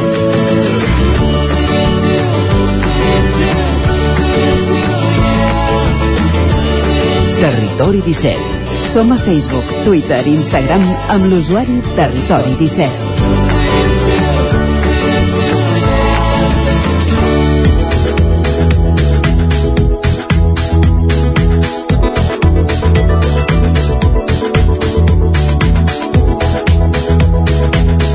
Passen dos minuts d'un quart d'onze i el territori 17 moment per l'entrevista. I ja falten pocs dies per les primeres jornades de teatre i circ social al Teatre Auditori de Cardedeu, que seran els dies 26, 27 i 28 de novembre. Aquestes jornades volen ser un punt de trobada, reflexió i intercanvi d'experiències sobre les disciplines artístiques del teatre i el circ social, tenint en compte la perspectiva de gènere. Òscar Muñoz, des de Ràdio Televisió de Cardedeu, bon dia. Bon dia, Isaac. Doncs sí, avui parlarem amb l'Olga Vinyals, directora d'Arts Escena Social de Cardedeu. Molt bon dia, Olga. Hola, molt bon dia a tots. Bon dia.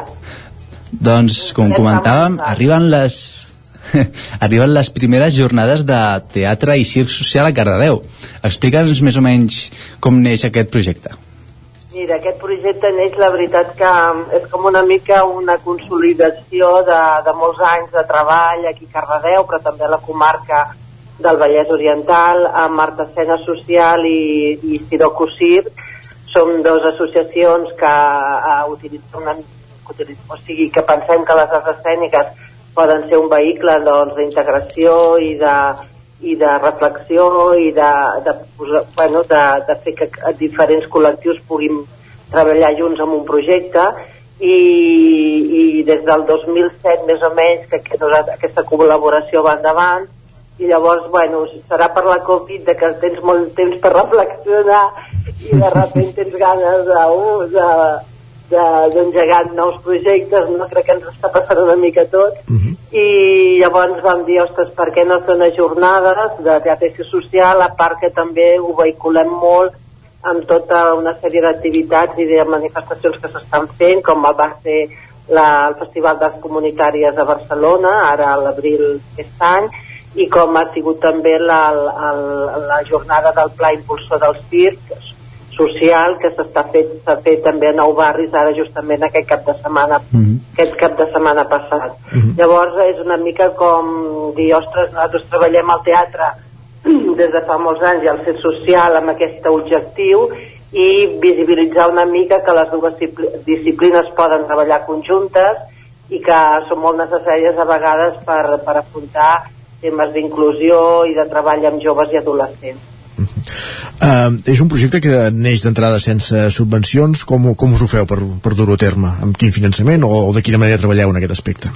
Bé, hem d'agrair molt a l'Ajuntament de Cardedeu, a tota la línia que té de suport a la creació i de suport a les entitats eh, locals, perquè bé, tenim la infraestructura del teatre, que això ja és un regal, un regalat per poder fer totes les activitats i els, els tres espectacles que tenim programats, i a part d'això doncs molt de voluntaris i tenim pensa Artesana Social i Sirocus eh, tenim un, un, bueno, un moviment de gent molt gran de totes les edats, des d'adolescents fins a gent gran i, i adults i per tant tenim una base de voluntaris que creuen en el projecte i que tenen moltes ganes de participar i d'ajudar i a part d'això doncs eh, la veritat és que ha sigut una part també ens ha ajudat el pla impulsor del CIT per, perquè hem pogut convidar unes pallasses que tindrem com una primícia no? a nivell català unes pallasses que venen des de Mèxic i de Colòmbia uh, elles es defineixen com a taller de pallassa social i ens explicaran totes les seves uh, activitats i el que fan a nivell d'inclusió i d'integració social allà a Mèxic i a Colòmbia que m'imagino que seran en, en col·lectius com els immigrants i en col·lectius bastant eh, amb, amb risc d'exclusió i, i amb, amb una situació de dificultat extrema. I llavors eh, el Pla Impulsor de CIT ens ha permès doncs, convidar aquestes pallasses i poder fer aquest taller. També hi ha hagut el, la Fundació Carulla eh, perquè jo vaig guanyar la Premi Sos Cultura el darrer Premi Sos Cultura amb, amb l'espectacle Zona Vermella que és una performance sobre la gent gran i la Covid i per reflexionar no, tot el, el que ha comportat per, per les persones grans aquesta, aquesta pandèmia. I també gràcies a això podem fer aquest espectacle el diumenge 28 i, i mm, bueno, la veritat és que hem trobat sinergies una mica de tot arreu i la, la força que tenim nosaltres de, i el voluntariat que, que, que, que està junt amb nosaltres, vaja. Com bé, has comentat molt bé la, la programació que hi podem trobar, però també dins d'aquesta programació hem pogut eh, vist que inaugurareu com l'espai Ciro Art, no? Què hi podem veure en aquest espai? Què es presentarà? Aquest espai ens semblava molt important perquè volíem fer unes jornades i aquest espai ha de ser un espai que els professionals del circ i del teatre social que vinguin a la taula rodona pensa que per nosaltres és molt important aquesta taula rodona que vol dir una visibilitzar les experiències que poden, que poden ser en el territori, a Vallès Oriental, però a Barcelona i, i també gent de...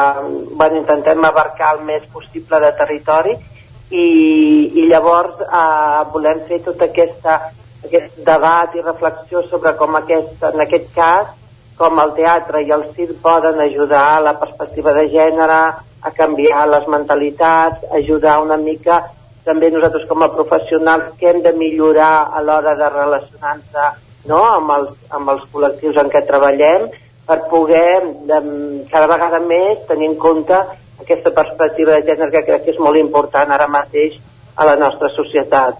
I llavors el, el, aquest espai Ciroar vol ser aquest espai de, de trobada, de debat, de reflexió i també d'alguna manera tenir un, una, un lloc de vídeo no stop on es vagin passant totes les experiències que puguem, que, que puguem, que puguem recollir vaja d'altres eh, d'altres grups i de col·lectius perquè la gent se'n doni compte del, de l'important que és tota, tot aquesta, aquest món, val? que molta gent potser no el coneix i de repent diu, ostres, s'estan fent moltes coses a tot arreu, molt interessants, i bueno, donar aquesta visibilitat i per això aquest, aquest lloc i també hi haurà, tindrem un bar on hi haurà bocates, podrem veure, compartir una mica també de manera informal doncs, tota la jornada. Queda molt clar l'objectiu de, de les jornades i les activitats que, que hi fareu. Més enllà de les jornades, quins són els, els objectius de vosaltres com a art escena social? Diguéssim, eh, promoure el circ eh, des de la perspectiva Sí. de gènere? Sí, bueno, nosaltres com, com Artesena i Sirocos, eh, pensa que som dues, dues entitats Mhm. diferents, però que treballem junts quan es tracta de, tra de fer i uh, de fer uh, tra uh, perdona, eh, projectes en perspectiva social i d'integració. Llavors, el nostre objectiu és continuar, és intentar, estem pensant un nou projecte ja per al, per al curs vinent, el 2022, i si ens ajuda una mica les, els organismes a tenir alguna subvenció per poder tirar endavant la, els objectius i les, i les projectes que tenim al cap, val? a veure si el 2022 tenim més sort i d'alguna manera no sé, aquests ajuts arriben. Val? I llavors l'altre objectiu és que com a artesana, i ara parlo més com a artesana social, nosaltres continuem, tenim un taller a continuar, a, que són cada setmana, són permanents, amb gent gran i adults, i, i tallers també en joves i adolescents, que és un, dura tot el curs, i a partir d'aquests tallers nosaltres, i a partir dels temes que ens proposen la gent que hi participa, comencem a fer els nostres projectes, comencem a, a, a fer a fer tot el que sigui una recerca i un nou projecte.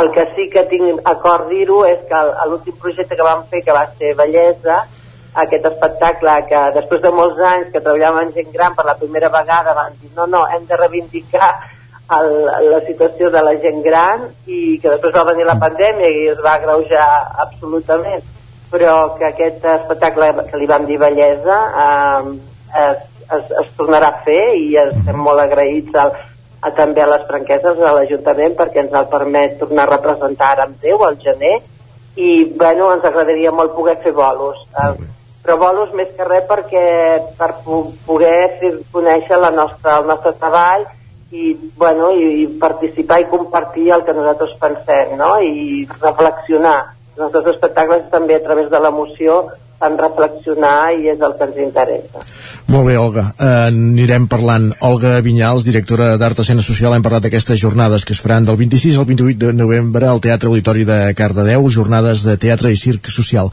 Gràcies per ser avui al Territori 17. Bon dia. moltes gràcies a vosaltres Gràcies també, Òscar. Fem una petita pausa i tornem al Territori 17 amb més continguts a partir de dos quarts.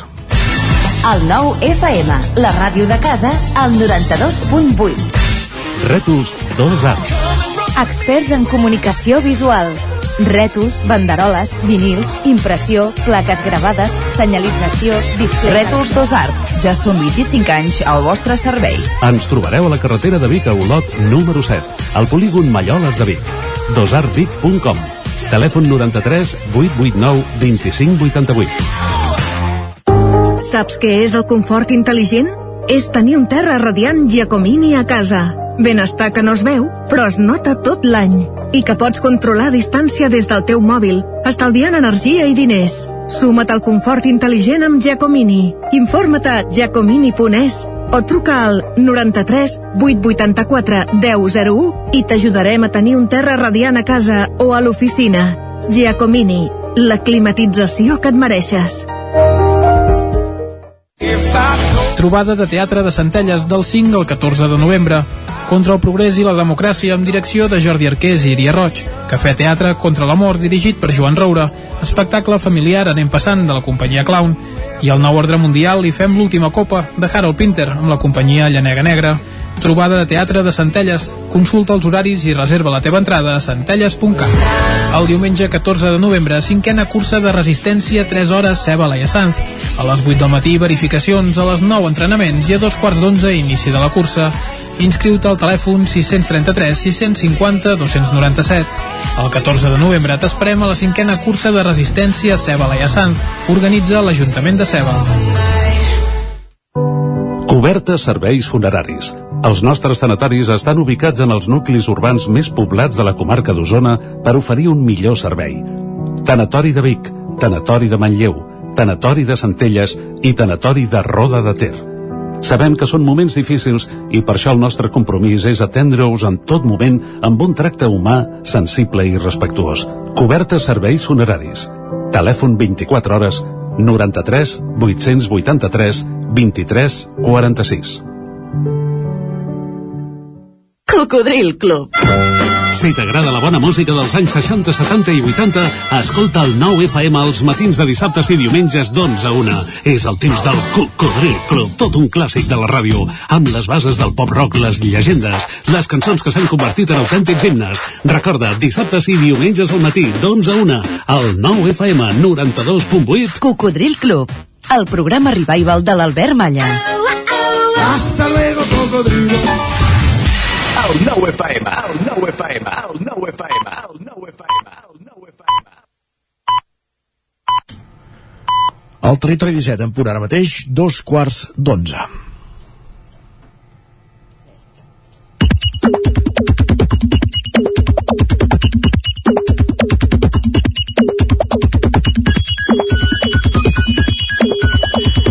Aquesta hora qui ens acompanya cada dia, Jordi, és en Guillem Sánchez de l'estudi per repassar a. Twitter. Doncs vinga, amb la musiqueta, a més a més, dels tuits de fons, ja tenim en Guillem aquí. Bon dia, Guillem. Bon dia, Jordi, bon dia, Isaac. Bon dia. Com Clar, què ens portes avui? No, estem perfecte. En canvi, tu et veiem amb les ulleres entelades, ara Sí, et sí, veia. entre mascareta, humitats, calefaccions i interiors no és la millor combinació per, per poder sobreviure. Bé, pensa que si vas a fora avui farà vent, per tant, d'humitat poca i no hi haurà ulleres. perill. Perfecte, doncs farem la secció des de fora el pròxim dia, va. El pròxim dia que jugui un partit al Barça tindrem un nou entrenador a la banqueta, no ho havíem comentat Sí. encara. Sí, sí, Ah, uh, bé, sí, que ho hem Hor- hores d'ara serà eh? Xavi. Hores, Sí, sí. hores d'ara serà Xavi. que D'aquí ahir va- 14 dies, si és quan juga, ja veurem. Home, d'aquí 14 en principi també. I per cert, eh, debutarà contra l'Espanyol, eh? I avui encara sentia que serà el primer derbi després de 40 no sé quants anys que hi arriben els dos equips empatats a punts. Això suposo que ah. és una bona notícia pels aficionats de l'Espanyol, no tant per als del, per als del Barça. I en aquest sentit s'ha de dir que els números no fallen mai o fallen poc, perquè eh, amb la presentació d'ahir hi havia molta gent per Twitter que comentava aquesta dada, com l'Andrea, que diu dorsal 6 i 6 anys després torna a casa, una premonició, molta sort. Casualitats o no, doncs mira, hi ha aquesta... Sis Champions, guanyarà, no? Ui, ui, ui, ui, ui. prediccions, prediccions, Isaac.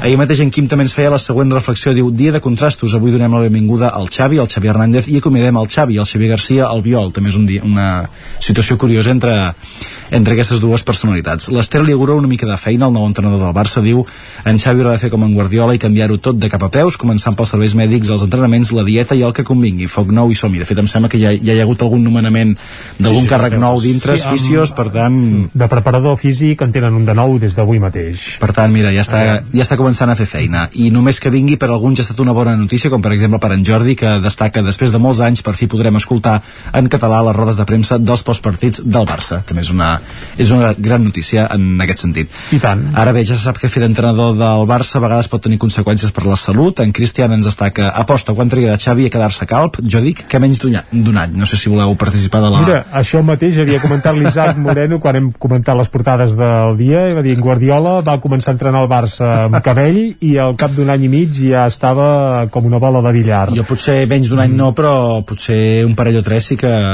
sí que podria començar a veure's algun efecte, no?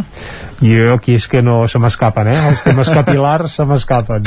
Doncs va, d'una persona que ha trobat Seguirem. feina, com en Xavi Jordi, un altre que li hem de fer un favor en l'àmbit laboral. La Nane diu, no sóc de demanar favors, però demà necessito que em recordeu que no vagi a treballar perquè tinc festa. Soc tan lerda que encara em presentaré allà a les 9 del, del matí. Carai, eh, de què treballa aquesta xica? No ens ho ha, no ens ho ha dit. Detalla. Treballa amb algun despatx perquè, de fet, aquest Twitter d'ahir al, al matí ens va anar fent una mica de, de uh, recordatori de, de, de, de com anava el dia Mhm. i al cap d'una estona va, va pilar també. De moment vaig bé, el moment crític serà quan deixi el cotxe al pàrquing després de portar la nena a l'escola i tiri cap al despatx en comptes de pujar cap a casa. Per tant, si algun altre dia uh, ha de fer festa, també li podem recordar per Twitter i que no, que no vagi al despatx. Doncs va. I en l'àmbit laboral, jo això que us llegiré ara no ho havia sentit mai. Escriu l'Emili M'han fotut fora de la feina, explicació Emili, ets massa per nosaltres, tens massa experiència t'estic tallant les ales, això és massa petit per tu estàs acomiadat, i el vostre dilluns què tal? Res, que torno a cercar feina, merci Això és com un no ets tu, sóc jo. Va, una abraçada a l'Emili. des Correcte. I canviant de- de tema, ser pare no és gens fàcil. L'usuari Ejecalt diu, mateu-me un dia a la nit i la meva filla de 10 anys escoltant reggaeton per la tele del menjador. De veritat, pensava que ho havia fet superbé fins a aquest instant. Vaig a veure i molt fort. No sé si li podem donar algun consell a Home, aquest que usuari. begui, no seria el consell més adequat, eh, que escolti bona música per desintoxicar-se estaria bé. Per exemple, la que posem cada dia al punt de les 10 aquí a Territori 17 Bueno, i a més abans, eh? de quilòmetre zero pràcticament sempre, sí, 5 minuts abans de les 10. Doncs bon consell. I jo com a fan absolut de plats bruts no podia acabar la secció sense destacar aquest comentari, el que fa en Pau, que diu m'acaba d'explotar el cap el mateix dia que veig en Jair i en Peyu interpretant un fragment de l'auca del senyor Esteve al Brico Heroes, li posem el primer capítol de Plats bruts a la filla gran on en Joel Joan interpreta aquest mateix fragment. Casualitats o no de la, de la vida també es donen aquestes situacions. Tot lliga. Tot lliga. Guillem, gràcies. A vosaltres. Que vagi molt bé. I repassem I, exacte, un cop d'ull al 99.cat, ara mateix, a l'edició d'Osona i el Ripollès, obre explicant que desarticulen un grup criminal que havia robat a Osona. N'hem fet esment ara, just ara, al butlletí informatiu de les 10 del matí. També aquest divendres la gala de l'Osonenc de l'any. Recordem que aquesta gala es farà aquest any a Tona i em sembla que en Guillem Freixa, que el tenim ja aquí, eh, hi serà. En tot cas li demanem. També la Fira de la Muntanya de Vic recupera les xifres de públic d'abans de la pandèmia. Això a l'edició d'Osona i el Ripollès del 99.cap fem un cop d'ull ara a l'edició del Vallès Oriental que obre explicant que l'arxiu de Granollers rep el fons de Josep Verde i Albea i que també la xarxa de botigues de Lola Casa Damunt creix a la Roca Village i a Caldes de Montbui engega la campanya per escollir els encarregats d'encendre els llums de Nadal. Es veu que cada any ho fa alguna personalitat concreta i ara fan una campanya per decidir qui pitjarà el piuet perquè s'encenguin els llums de Nadal a Caldes. Que bonic, eh? Recollit. Gràcies, Va, Jordi. vinga. Passen 6 minuts de dos quarts d'onze i ara, com dèiem, anem a la taula de redacció amb Guillem Freixa i Víctor Palomar, però no per, la, per parlar encara dels Premis Osonenc de l'any.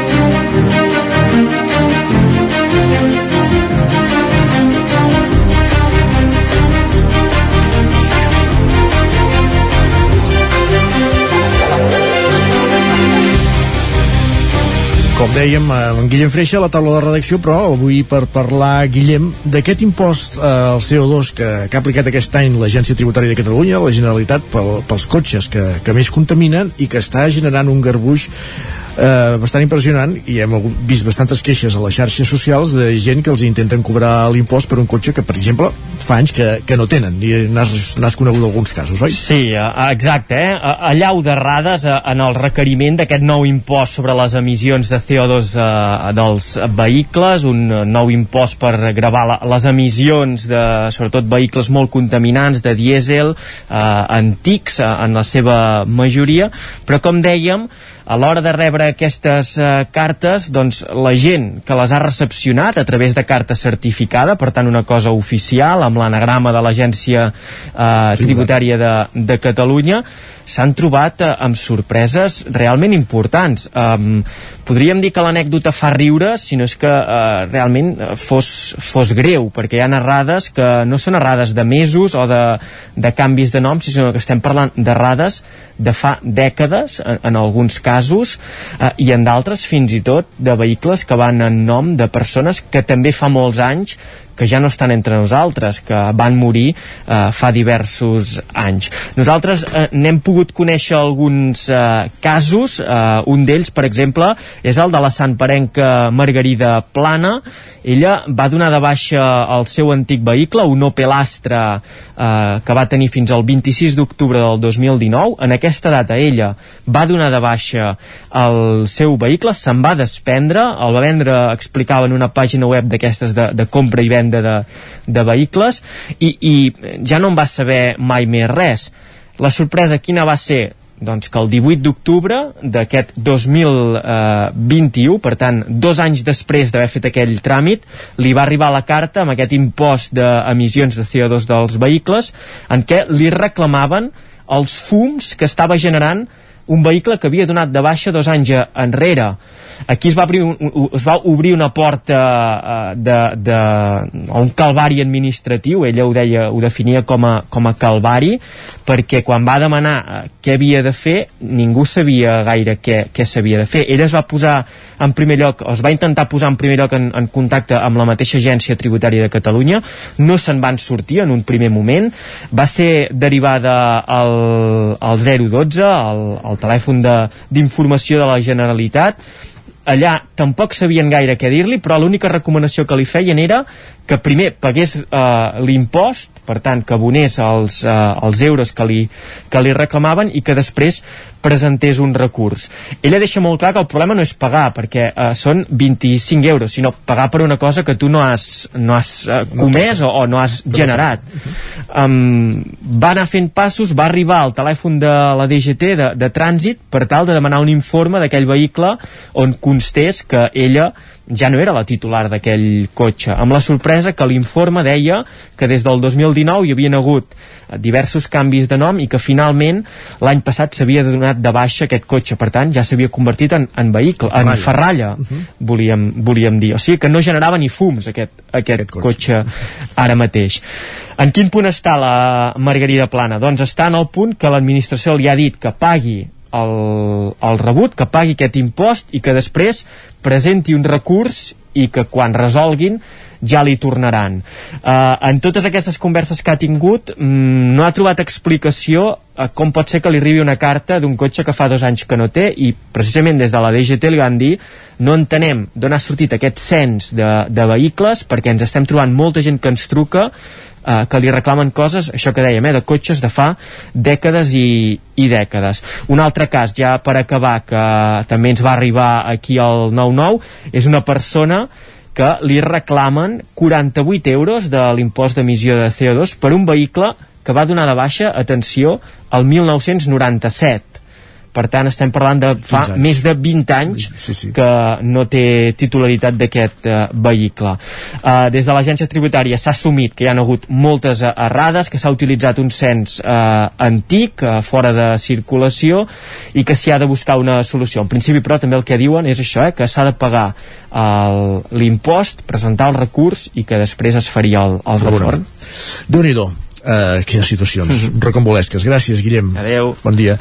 I com dèiem, també ens acompanya a la taula de redacció en Víctor Palomar per parlar de, del ple de Vic, que com primer dilluns de mes se celebrava aquest dilluns ahir. Doncs sí, un ple que amb un acord històric que és uh, finalment de tirar endavant el sistema de recollida de, de deixalles porta a porta. Carai. És la quarta vegada que, que s'intentava uh, aquí a Vic. Uh, primer no hi havia el consens necessari, en algun moment majoria es hagués pogut per majoria es hagués pogut eh, aprovar abans. Eh, hi ha hagut eh, moments que, que, que es tenia una majoria molt àmplia del, dels regidors de l'Ajuntament de Vic que estaven a favor del sistema de recollida porta a porta però no es havia aconseguit fins ara eh, tirar-ho endavant. Es va aprovar amb els vots favorables d'Esquerra Republicana amb els 5 regidors d'Esquerra Republicana més els 11 de Junts per Catalunya. Capgirem Vic es va amb els seus 4 regidors es va abstenir i la regidora del PSC hi va votar en contra. Els arguments d'uns i des de l'equip de govern doncs que eh, s'ha de fer alguna cosa perquè sí que és veritat que aquest sistema de recollida a curt termini serà més car però a la llarga eh, es considera gairebé imprescindible perquè eh, s'està estancat. Cada cop costa més millorar els percentatges de, de deixalles seleccionades que es deixen als contenidors i consideren que només el porta a porta, com s'ha demostrat en diferents municipis d'Osona, eh, és el sistema que permet arribar a percentatges de superar el 75% de la recollida selectiva. Això obliga els ciutadans doncs, a, a ser encara més actius, a, a deixar les deixalles, a separar-les bé i deixar-les un dia concret a fora quan es recollin les, les deixalles.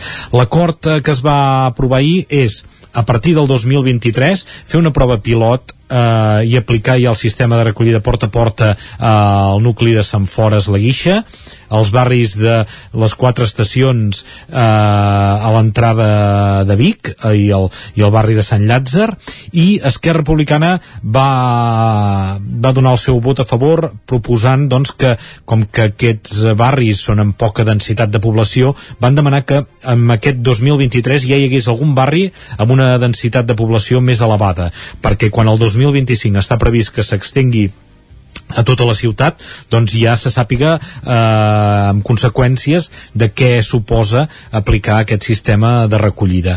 Capgirem Vic es va abstenir, va dir que estava a favor de la recollida porta a porta, però no de delegar aquest, eh, aquest servei al Consell Comarcal i menys que després el Consell Comarcal ho adjudiqui a una empresa privada. Consideren que haurien de ser treballadors municipals els que haurien internalitzar aquest servei i haurien de ser treballadors municipals els que fan el sistema de recollida municipal de les, de les deixalles. Aquest va ser un dels acords eh, al, al ple eh, que, que consisteix en això, eh, delegació al Consell Comarcal del sistema de recollida de deixalles i a partir del 2023 començar a implantar aquest sistema porta a porta.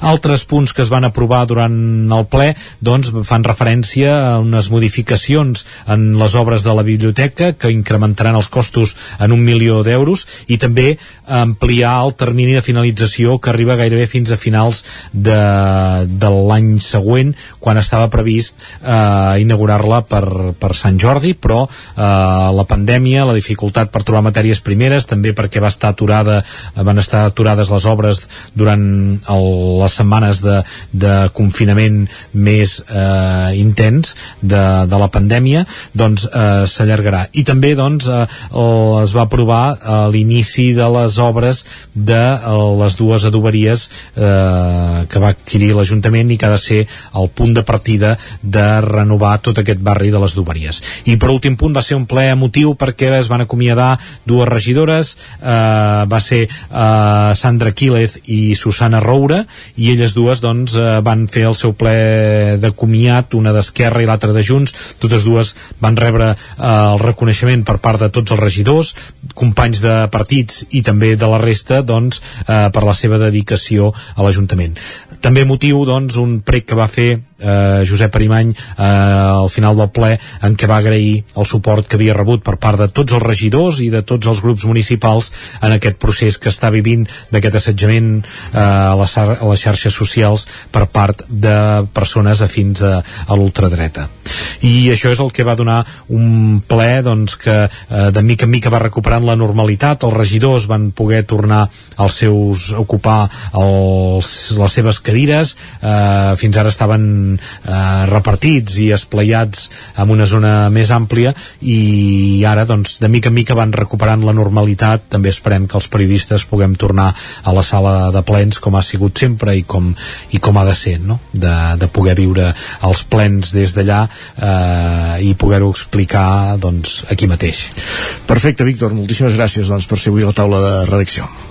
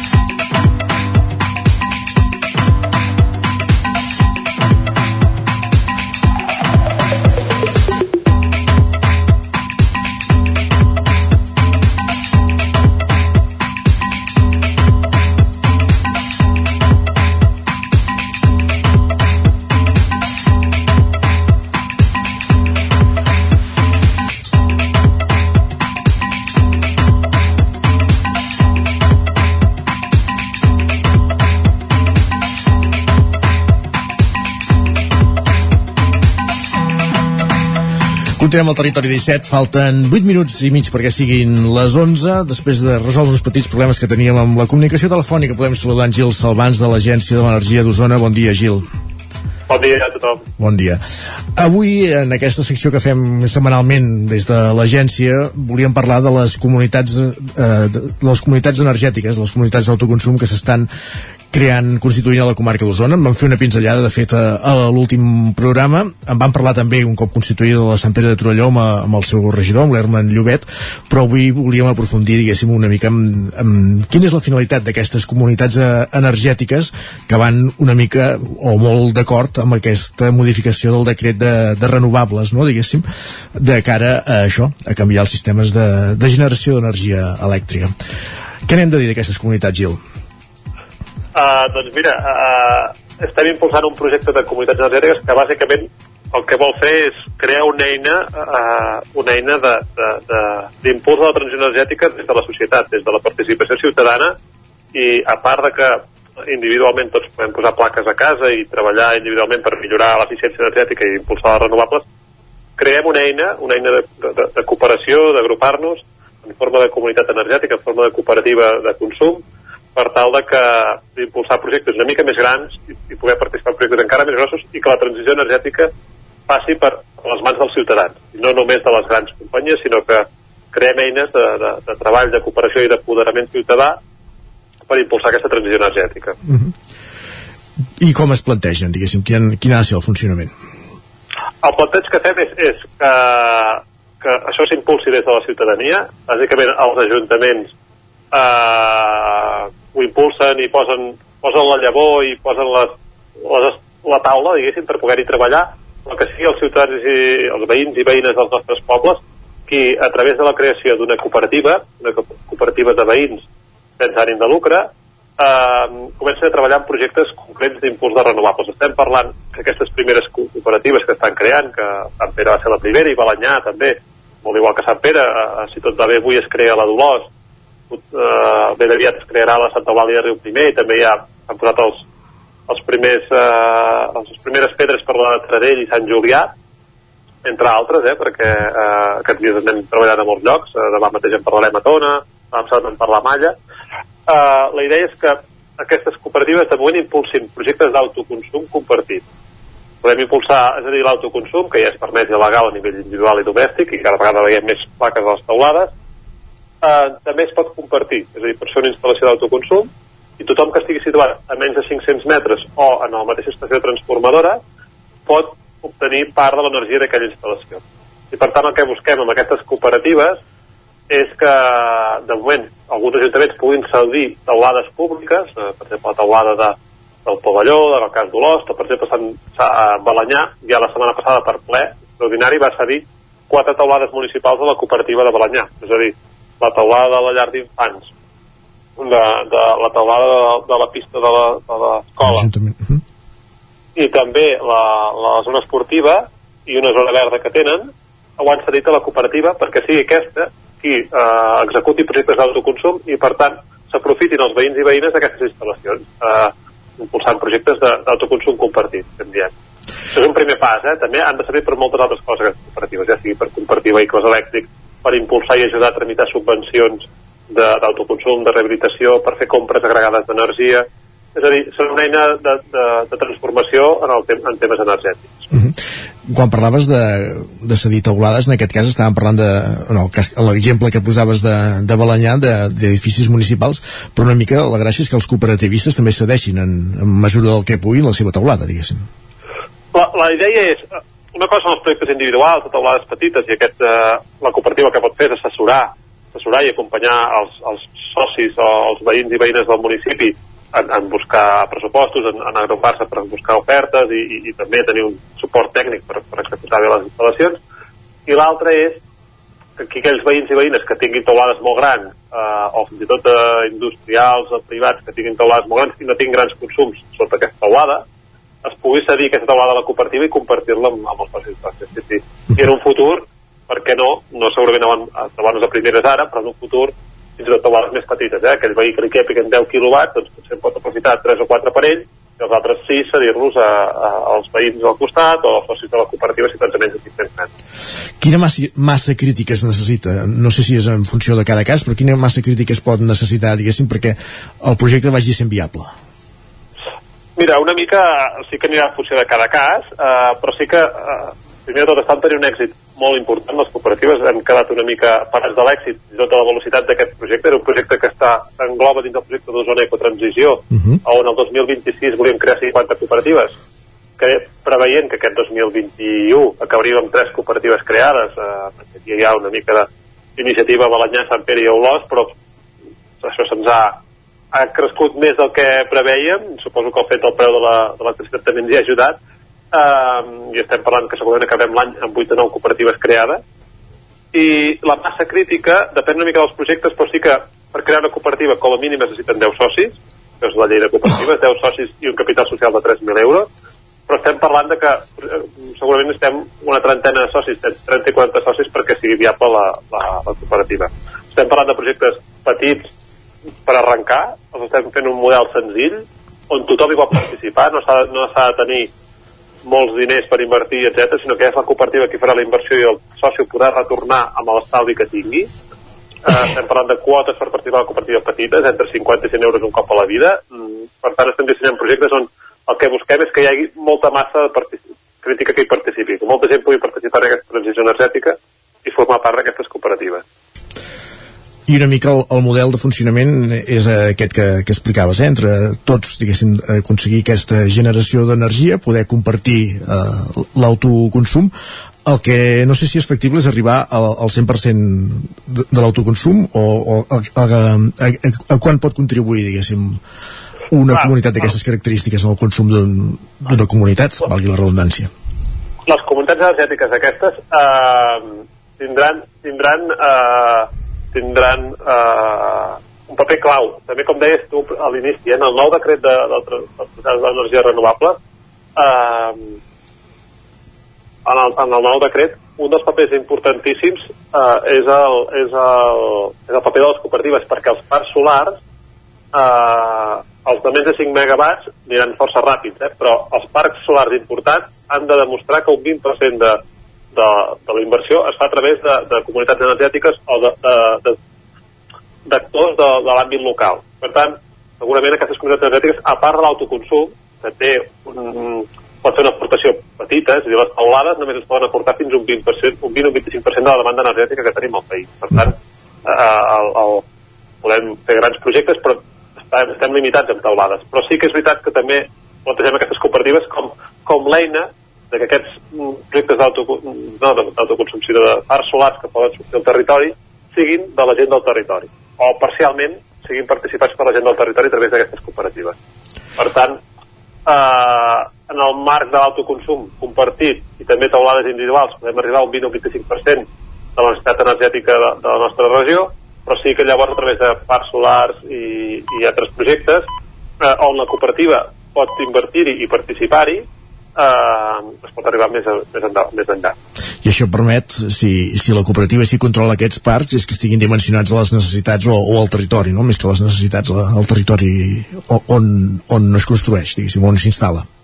Aquesta, sí, aquesta és una mica la finalitat, també, és a dir, eh? nosaltres dissenyem en el mateix projecte de zona ecotransició, eh, per dissenyar els 50 comunitats energètiques, una mica el primer pas per arribar al 2026 complint objectius, hem, hem distribuït o hem detectat que hi ha una necessitat de crear 50 parcs fotovoltaics de 5 megas.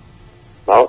I per tant, una mica tot va amb 50 perquè intentem fer una cosa local, que cada municipi tingui la seva pastís de participació, i potser allò que 50 parcs seran 40, i algun de més gran i algun de més petit, però sí que hem detectat que, que volem fer els parcs distribuïts i segons la demanda del territori o de l'entorn. I per tant la cooperativa pot ser qui vehiculi tot això, qui ho treballi, qui, qui, qui també expliqui a la ciutadania la necessitat d'apostar per la renovable i per tant lligar tot aquest projecte a través de les comunitats energètiques. -huh. Abans ens comentaves que s'està anant ràpid que, que, i, que, i que a més a més ja, ja esteu sorpresos de l'interès que té la, la ciutadania al respecte parlàvem d'aquests dos que s'han constituït dels, at, dels altres quatre que, que, que estan prou avançats eh, per arribar a aquesta xifra que comentaves del 50 eh, a la comarca que, amb quin horitzó treballem? El nostre horitzó era 2026. Uh, L'únic que veient l'impuls, segurament que l'horitzó de crear, potser 50 no, eh? tenim municipis molt petits, uh, així aquests potser serà més difícil de trobar una mica uh, tot el, el múscul necessari, potser farem projectes diferents, però arribar a les 35-40 comunitats energètiques pensem que potser en dos o tres anys els podem, podem arribar-hi. Sí que és veritat que també ara està pre- previst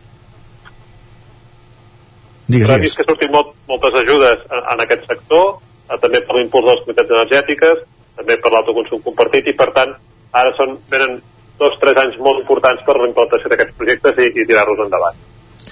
Perfecte, Gil. No sé si ens deixem alguna cosa al tinter o vols afegir alguna cosa més al respecte d'aquestes comunitats energètiques.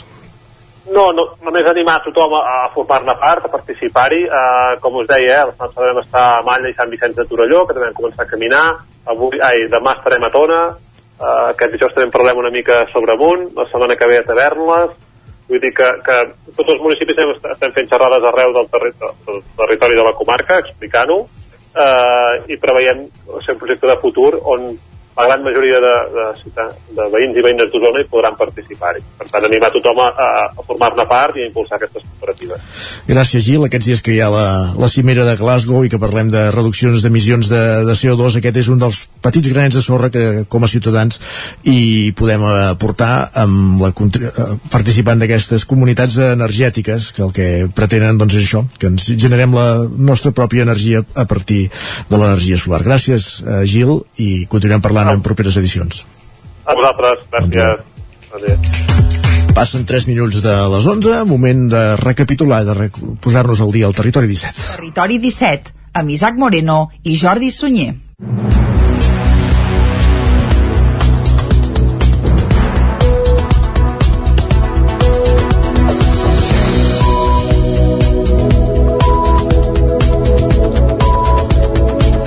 Centenars de persones es van concentrar diumenge a la plaça Fra Bernadí de Manlleu convocats per una plataforma que demana més seguretat i civisme. L'objectiu era començar a recollir signatures i constatar la preocupació a peu de carrer.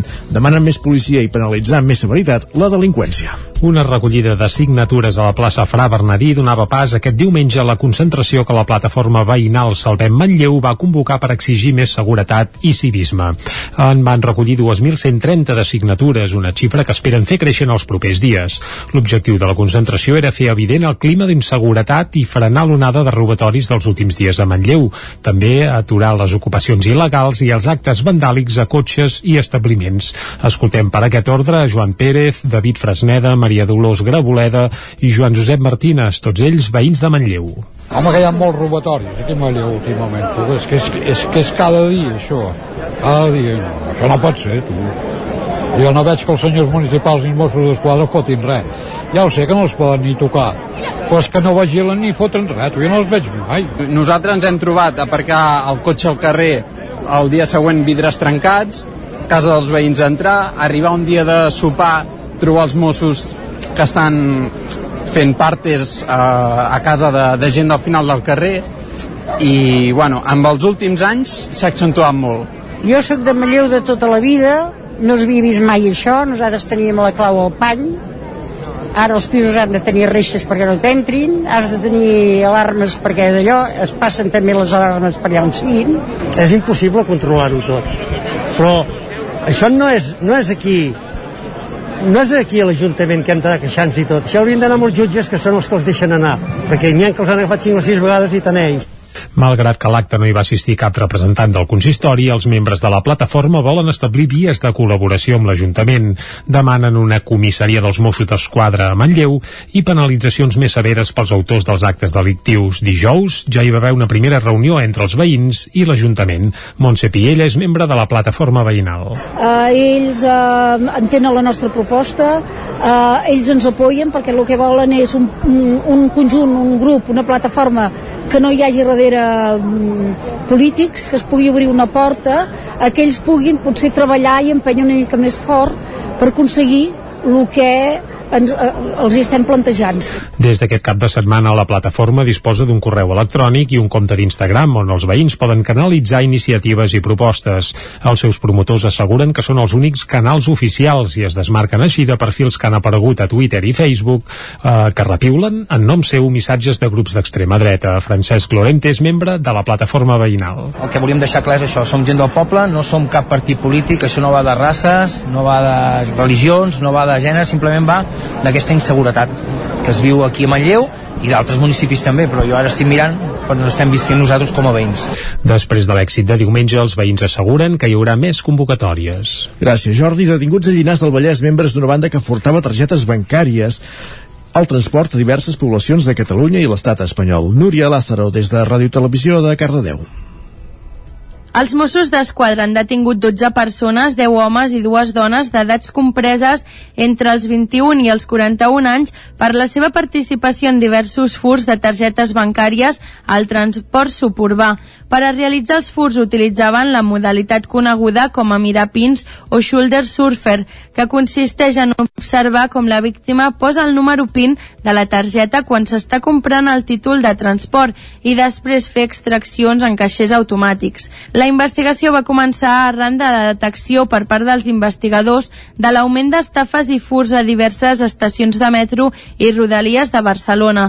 Tal i com han explicat els Mossos en un comunicat, es van obrir diverses diligències per aquests fets, ja que van identificar diferents autors que formaven grups que de manera molt organitzada i especialitzada efectuaven aquests furs i estafes. Per aquest motiu es va organitzar un dispositiu policial durant les tardes dels dies 27, 28 i 29 d'octubre amb l'objectiu de localitzar i detenir-los. Les detencions es van realitzar durant les tres tardes a diverses estacions de metro i Rodalies de Barcelona, l'Hospitalet de Llobregat, Badalona, l'aeroport del Prat i els municipis de Llenes del Vallès i Zamora. Alguns dels autors van ser detinguts quan intentaven abandonar el país o havien marxat de Catalunya, com és el cas de dues detencions a l'aeroport i la de Zamora que les va realitzar la Policia Nacional durant el control de passaports després de les alertes dels Mossos d'Esquadra. Els detinguts que entre tots sumen 152 antecedents policials van passar a disposició judicial i han quedat en llibertat amb càrrecs. Per dos d'ells, el jutjat ha decretat una prohibició d'accedir a la xarxa de metro del transport metropolità de Barcelona. Un conductor begut atropella dos agents de la Guàrdia Urbana de Vic que feien un control d'alcoholèmia. En total van haver de ser ateses sis persones i tres vehicles van resultar danyats. 21 jove de 24 anys i veí de Vic va embestir la matinada de diumenge a dilluns diversos vehicles que estaven aturats en un control d'alcoholèmia de la Guàrdia Urbana al carrer Sot dels Predals de Vic. El jove que va donar positiu penal a les proves d'alcoholèmia i que circulava pel carrer era d'Ensellers en direcció al Coll de Vic, s'hauria adormit i a part d'embestir els vehicles va atropellar dos agents de la policia municipal i un tercer va, rejular, va resultar lesionat per l'impacte d'un dels turismes, segons ha explicat la Guàrdia Urbana. Tots tres van resultar ferits amb politraumatismes i estan pendents de possibles lesions de lligaments al genoll. Els fets van passar poc abans de les 4 de la matinada. Contra el conductor del vehicle s'han instruït diligències per un delicte contra la seguretat del trànsit i per les lesions provocades als agents i a la resta de conductors. En total van haver de ser ateses sis persones que es trobaven a la zona i van resultar danyats tres vehicles. Esquerra de Camprodon creu que l'equip de govern del PSC abusa de les modificacions de crèdit. Isaac Muntades des de la veu de Sant Joan. Sempre que hi ha una modificació de crèdit és motiu de debat al ple de l'Ajuntament de Camprodon. En l'última sessió plenària el consistori va donar-hi llum verda gràcies als vots positius de l'equip de govern de Tots per Camprodon i l'abstenció de Més Camprodon Esquerra Republicana de Catalunya. Sobretot l'alcalde Xavier Guitar va justificar que la modificació de crèdits estava condicionada per la relació dels llocs de treball que s'havien pactat amb els sindicats i els treballadors. Al mes de desembre es van regularitzar les nòmines de tots els empleats del consistori i aquest any se'ls aplicarà una pujada del sou del 10%, mentre que en els pròxims 3 anys serà del 30% per anualitat. També es va regularitzar alguna partida desquadrada com el tema del FEDER de l'experiència dels Pirineus més autèntics, que requereix una aportació extraordinària de 55.400 euros. A més, es preveu l'ingrés de 60.000 euros provinents de la Diputació de Girona. El regidor republicà Xavier Juncà va justificar l'abstenció perquè creu que s'està abusant d'aquesta eina que pareix ser o ha de tenir un ús menys freqüent. Portem aquest any 2021 cinc modificacions de crèdit, el 2020 sembla que se'n van fer 7 i crec que el 2019 dues o tres. Per tant, estem parlant de 13, 14, 15 aproximadament aproximadament modificacions de crèdit en 30 mesos de mandat. Això surt una mitja de, modificació de crèdit cada dos mesos, com aquell qui diu, és dir que quan tenim pla tenim modificació de crèdit. I recórrer les modificacions de crèdit ha de ser una eina, entenem que no s'ha de fer un ús tan regular, tan constant, per molt que hi hagin d'incerteses pel Covid, ho entenem, però si ja us hem dit que hi ha coses que estem d'acord altres que no, denota des de fora, que, que falta full de ruta, que falta projecte de poble. Juncker sí que va creure que era oportuna pel tema de l'increment de sou que s'havia pactat pels treballadors del consistori i va agrair que cada cop l'alcalde les expliqui més detalladament, ja que d'aquesta manera poden tenir una major defensa. El regidor d'Hisenda, Joan Faig, va voler mostrar el seu desacord en aquest sentit. Fem modificacions tan sovint com es pugui implica anar regularitzant i anar posant al dia i actualitzant el pressupost i demostra doncs, que s'està fent des d'aquí aquest Ajuntament moltíssima activitat amb l'aprovació de nous projectes, de nous convenis, que la tasca de, de l'equip de govern està funcionant més que mai i que jo crec eh, que no hem d'interpretar les modificacions de crèdit com a, com a una cosa negativa i com una cosa de mala gestió, sinó un, com, una, com una eina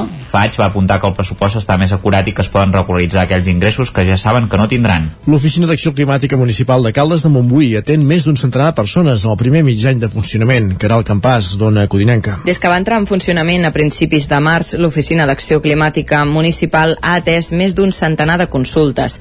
El tema que genera més interès, amb diferència, és el relacionat amb la instal·lació de plaques fotovoltaiques. Des de l'oficina atribueixen aquest interès a dos motius. Per una banda, l'increment constant constant del preu de l'electricitat i per l'altra l'expectació que ha generat l'anunci de la creació de la comunitat energètica local, la CEL, ara fa un mes. Des de llavors ja s'hi han preinscrit una vuitantena de llars. D'altres temes que també generen moltes consultes són els relacionats amb el canvi i manteniment de les calderes, les alternatives a l'ús de gas en l'àmbit domèstic i també els vehicles elèctrics i punts de recàrrega. També s'han resolt dubtes sobre les subvencions, bonificacions i ajuts disponibles per millorar l'eficiència energètica de les llars. Per tot plegat, el regidor d'Acció Climàtica, Jordi Martín, està satisfet de la resposta que està tenint l'oficina. Estem contents de que l'oficina tingui èxit, de que la gent pugui portar consultes de diferents tipus, des de consultes sobre la factura elèctrica fins a instal·lacions fotovoltaiques o eh, dubtes sobre les instal·lacions eh, domèstiques, com per exemple les calderes de gas o les calderes de gasoil, i el servei té una, un, un component molt tècnic perquè hi ha un enginyer que atén eh, a tots els calderins i les calderines que s'hi adrecin amb cita prèvia que els pot respondre a qualsevol d'aquestes consultes. A banda de resoldre consultes relacionades amb l'estalvi energètic, l'Oficina d'Acció Climàtica també tramita les llicències necessàries per la instal·lació de plaques fotovoltaiques. En aquest sentit, en els primers 10 mesos d'aquest any ja s'han despatxat 34 sol·licituds per instal·lacions d'ús particular, xifra que representa un augment notable respecte del 2020, en què se'n van tramitar 25 en tot l'any. Més de 10.000 persones han passat durant el cap de setmana per la Fira de la Muntanya de Vic, que celebrava la quarantena edició. Ha estat la primera gran fira que s'ha fet a la ciutat en un recinte tancat i amb el 100% de l'aforament des de l'inici de la pandèmia. La Fira de la Muntanya ha tornat a les xifres d'abans de la pandèmia en una edició d'aniversari, i és que la mostra celebrava l'edició número 40, consolidada ja com una proposta firal destacada del sector després de diferents canvis de nom i també de format. Actualment s'hi inclou la Fira del Llibre de Muntanya, que també estava d'aniversari. Es commemorava la vintena edició d'aquesta proposta que va néixer al Coll Sacabra i que el 2013 es va traslladar a Vic. Els responsables dels estants de llibres i de les botigues d'esports coincidien en destacar l'alta afluència de visitants, que va acabar sent de 10.000 persones. El mercat d'ocasió també va funcionar bé i es van vendre el 70% dels productes que hi havia disponibles. La Fira de la Muntanya ha estat la primera a Vic en un recinte tancat i amb el 100% de l'aforament des de l'inici de la pandèmia. A part de la Fira, també es va fer durant el cap de setmana, per exemple, la caminada Matagalls Vic, que acabava precisament dissabte al migdia al recinte de la Fira. La Fira també va incloure xerrades, presentacions de llibres, la icònica escalada a la xamaneia del Sucre o una pedalada familiar que va plegar prop de 250 persones. Gràcies, Jordi. Acabem aquí aquest repàs informatiu que hem fet des de les 11 en companyia d'Isaac Montada, Jordi Sunyer, Caral Campàs i Núria Lázaro. Un quart i mig minut de 12 del migdia, tot seguit parlem d'economia, parlem de la plusvala amb en Joan Carles Arredondo.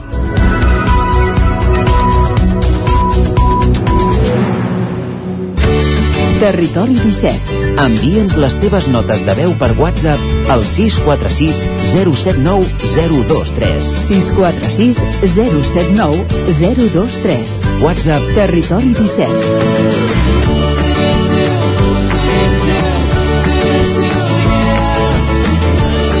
Territori 17.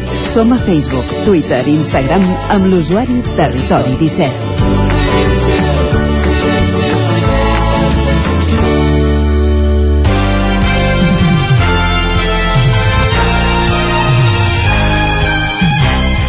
I avui, com cada dimarts, a l'espai d'economia que ens porta en Joan Carles Arredondo, el cap d'economia de l'edició del Vallès Oriental del 9-9, parlem de la plusvàlua, aquest impost que s'aplica a la compra-venda d'habitatges.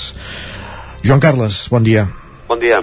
Eh, Un impost que eh, ens comentes que ha estat 13 dies anul·lat. Eh, eh, Acaba'ns-ho de, de, de matisar, només, això. Només 13 dies, eh, això. La, es legisla en temps rècord quan, quan convé, eh? efectivament, eh, ja existia aquest impost de plusvàlua, eh, que és mm, l'impost municipal que s'aplica quan hi ha una transacció, una, una venda de, d'un habitatge. Eh, el Tribunal Constitucional eh, va fer una sentència fa, doncs això, menys de dues setmanes, que invalidava aquest tribut perquè entenia que les fórmules de càlcul mm, podien arribar a ser injustes eh, amb el venedor. Però la versió revisitada, eh, en direm, d'aquest impost eh, es va aprovar dilluns en el, en el Consell de Ministres espanyol. Diguem-ne que aquesta, aquesta manera d'actuar tan ràpid seria desitjable per a altres àmbits de l'administració, Estaria bé, sí. perquè acostuma a ser més, més lenta quan el que està en joc no són els ingressos d'una altra administració, com és el cas, aquí s'estaven deixant sense ingressos, sense una font important d'ingressos dels ajuntaments, després en, intentarem aprofundir més amb això, eh, però quan el que hi ha en joc són fins i tot drets dels ciutadans eh, no, no, no, no actuen tan ràpid. En fi, eh, això diguem-ne que seria matèria de eh, populisme fiscal eh, diríem. Eh, un pu- populisme fiscal que és, és semblant eh, el que s'està aplicant a la Comunitat de Madrid que va eliminant impostos un darrere l'altre i, i diguem-ne que tampoc mm, tampoc tenim gaires ganes de, de, de caure en aquest, en aquest populisme eh? No, més que no, pel bé de tots. Sí, no, pel bé de tothom, perquè és veritat, els impostos tenen mala premsa i, i, i jo crec que entre tots s'ha de fer una mica de pedagogia sobre que aquesta mala premsa no, no diguem-ne que no, no, no hauria de ser no hauria de ser el, el, el, el lema, eh? El lema, el lema habitual. és evi- evident que a ningú li agrada gratar-se la butxaca, però bé s'han d'assumir els serveis que, que, que presta l'administració pública A ningú li agrada, efectivament, rascar-se la butxaca, però a tothom li agrada rebre els serveis, eh? Ah, exacte, Que- és això. Doncs bé, eh, anem amb el tema de la plusvàlua. Eh? Quan es fa la transacció d'un pis, eh, la maquinària de les administracions es greixa per extreure rèdit de l'operació. De fet, amb una venda gairebé diríem que, que hi suca tothom. Eh? Eh, ja no és només el propietari, eh? que de fet en principi hi, hi guanya diners, no? sinó que hi ha ingressos per l'agència immobiliària que fa la gestió, el notari que firma l'escriptura, els bancs que concedeixen hipoteques, i també les administracions, administracions de tota mena que cobren eh, un impost per la trans transmissió de la propietat del comprador, per l'increment del patrimoni, eh, això ho sap, hi ha impost sobre la renda de les persones físiques, i en el cas de l'impost de la plusvàlua, que per ser formals en direm, eh, es, es diu mm, impost sobre l'increment del valor de terrenys de naturalesa urbana, però diguem-ne que pels amics és la plusvàlua. Doncs això és un ingrés que anava als ajuntaments. La premissa de partida és que el sòl sobre el qual s'ha edificat l'habitatge ha anat guanyant valor amb el pas dels anys, mm, de manera que eh, el que es feia fins ara era aplicar una taxa de, de, una taxa de revalorització que es multiplicava pels anys transcorreguts entre la compra del bé immoble i la seva venda i aplicar un percentatge sobre el resultat final d'aquesta operació. Eh? Tot això depenia també es deixava una mica de marge als ajuntaments perquè calculessin quin increment hi havia hagut eh, de fet eh, aquest, eh, sobre, sobre aquest in- increment del valor del, del sol eh, diguem que a- a- aquesta tributació es fa dues vegades perquè bé t'apliquen també els IBIs amb els IBI és impost immobles el que coneixem com a contribució. Uh, i això també es va revalori- revaloritzant amb, amb, amb el pas dels anys o sigui que gairebé aquí pagues, pagues dues vegades per això. Mm, generalment és, és cert que els habitatges tenen un preu més elevat en el moment en què es venen que quan es va comprar eh? perquè han passat uns anys i normalment doncs això Sí.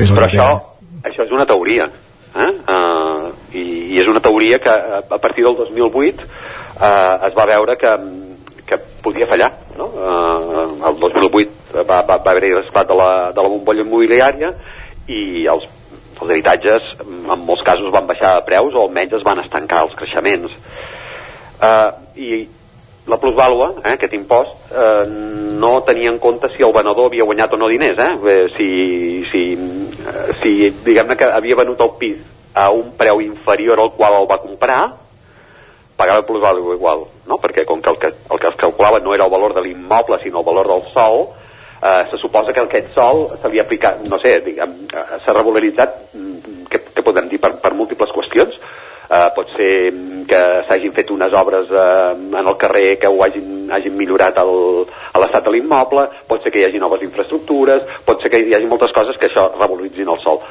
Però el fet en si eh, de vendre el pis eh, a, a un preu més elevat no diguem-ne que no, no, no, no, no, estava, no, no estava contemplat. Eh, perdó, un preu, un preu més baix no estava contemplat. Si, si perdies diners igualment pagaves plusvàlua i s'havien arribat a donar circumstàncies en els quals el mateix impost comportava eh, pagar més que no pas el benefici que havies obtingut per la venda.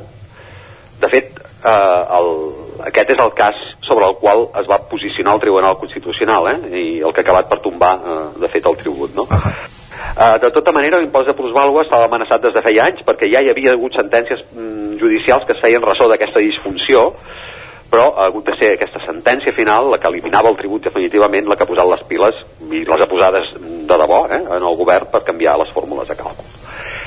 Quines fórmules, com ha canviat la fórmula de càlcul? Ho direm a grans trets perquè diguem-ne no, no, no és senzill, eh, perquè aquí estem aplicant coeficients que són coses molt abstractes, però mm, per, per, per emmarcar una mica eh, com, com ha quedat la qüestió.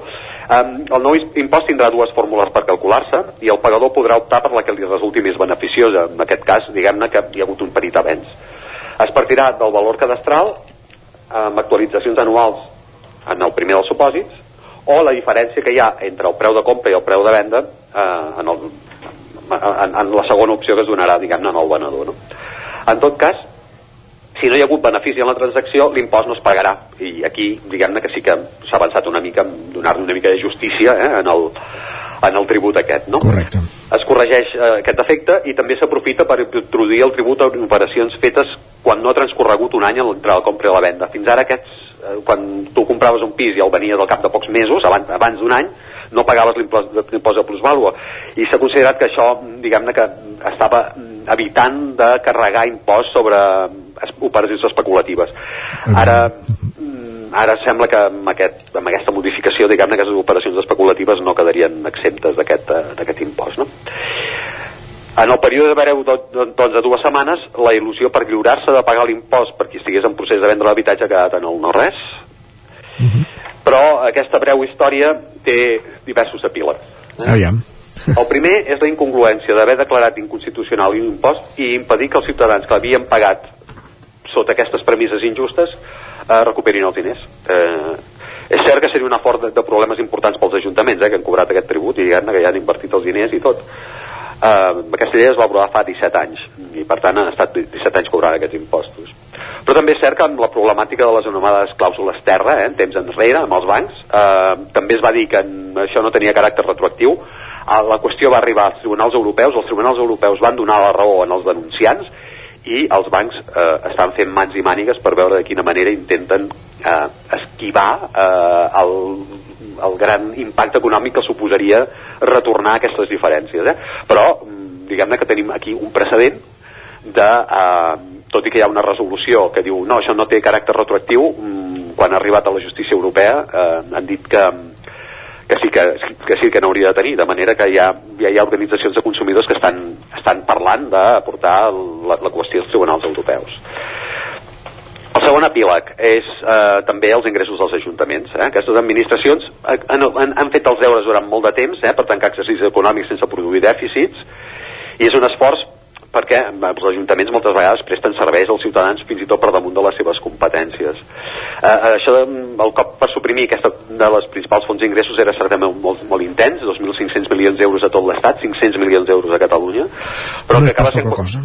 Sí, no, no, no ho és. El que acaba sent mm, qüestionable és que sota aquest pretec de protegir aquests ingressos de les administracions es deixi desprotegida una població que ha estat sotmesa a un impost inconstitucional, de fet, no? Dit en altres paraules, eh, l'impost se li ha fet un vestit a mida, però s'ha evitat el debat de fons sobre quines alternatives de finançament serien més justes pels ajuntaments. Per tant, mm, probablement estem davant d'una oportunitat perduda. Com tantes d'altres que ens expliques cada dimarts, Joan Carles. A, a, a, veure si a veure si l'impost acaba sent més just, eh, finalment, Exacte. perquè aquest segurament era un impost que no era del tot just. Molt bé, doncs moltes gràcies per posar-nos una mica de llum sobre la plusvàlua. Gràcies una setmana més per ser al Territori 17. Gràcies a vosaltres. Bon dia. 3 minuts i mig perquè siguin dos quarts de 12. Acabem aquesta secció dedicada a l'economia amb en Joan Carles a Redondo i continua al territori 17 després d'una pausa amb el pas, repàs diari, amb el pas diari per la línia R3 de Rodalies i acte seguit amb el racó de pensar amb la Maria López. Tot seguit al territori 17 després d'aquí, serà d'aquí 3 minutets.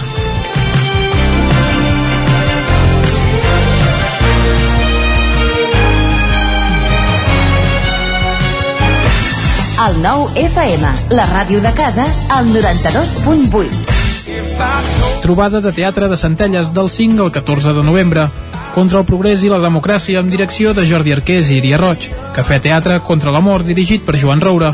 Espectacle familiar anem passant de la companyia Clown. I al nou ordre mundial li fem l'última copa de Harold Pinter amb la companyia Llanega Negra. Trobada de teatre de Centelles. Consulta els horaris i reserva la teva entrada a centelles.cat. A Corretja tenim tot el que necessites per la teva llar. Tot tipus de paviments i revestiments, sistemes d'aïllament, cobertes, parquets, aixetes, ferreteria, pintures, fixació i cargoleria, vestuari i material de seguretat.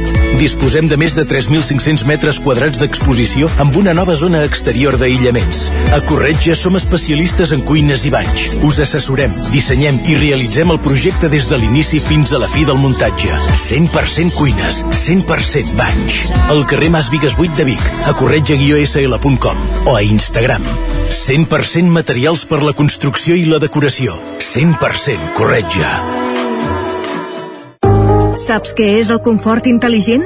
És tenir un terra radiant Giacomini a casa. Benestar que no es veu, però es nota tot l'any. I que pots controlar a distància des del teu mòbil, estalviant energia i diners. Suma't al confort intel·ligent amb Giacomini. Informa't a giacomini.es o truca al 93 884 1001 i t'ajudarem a tenir un terra radiant a casa o a l'oficina.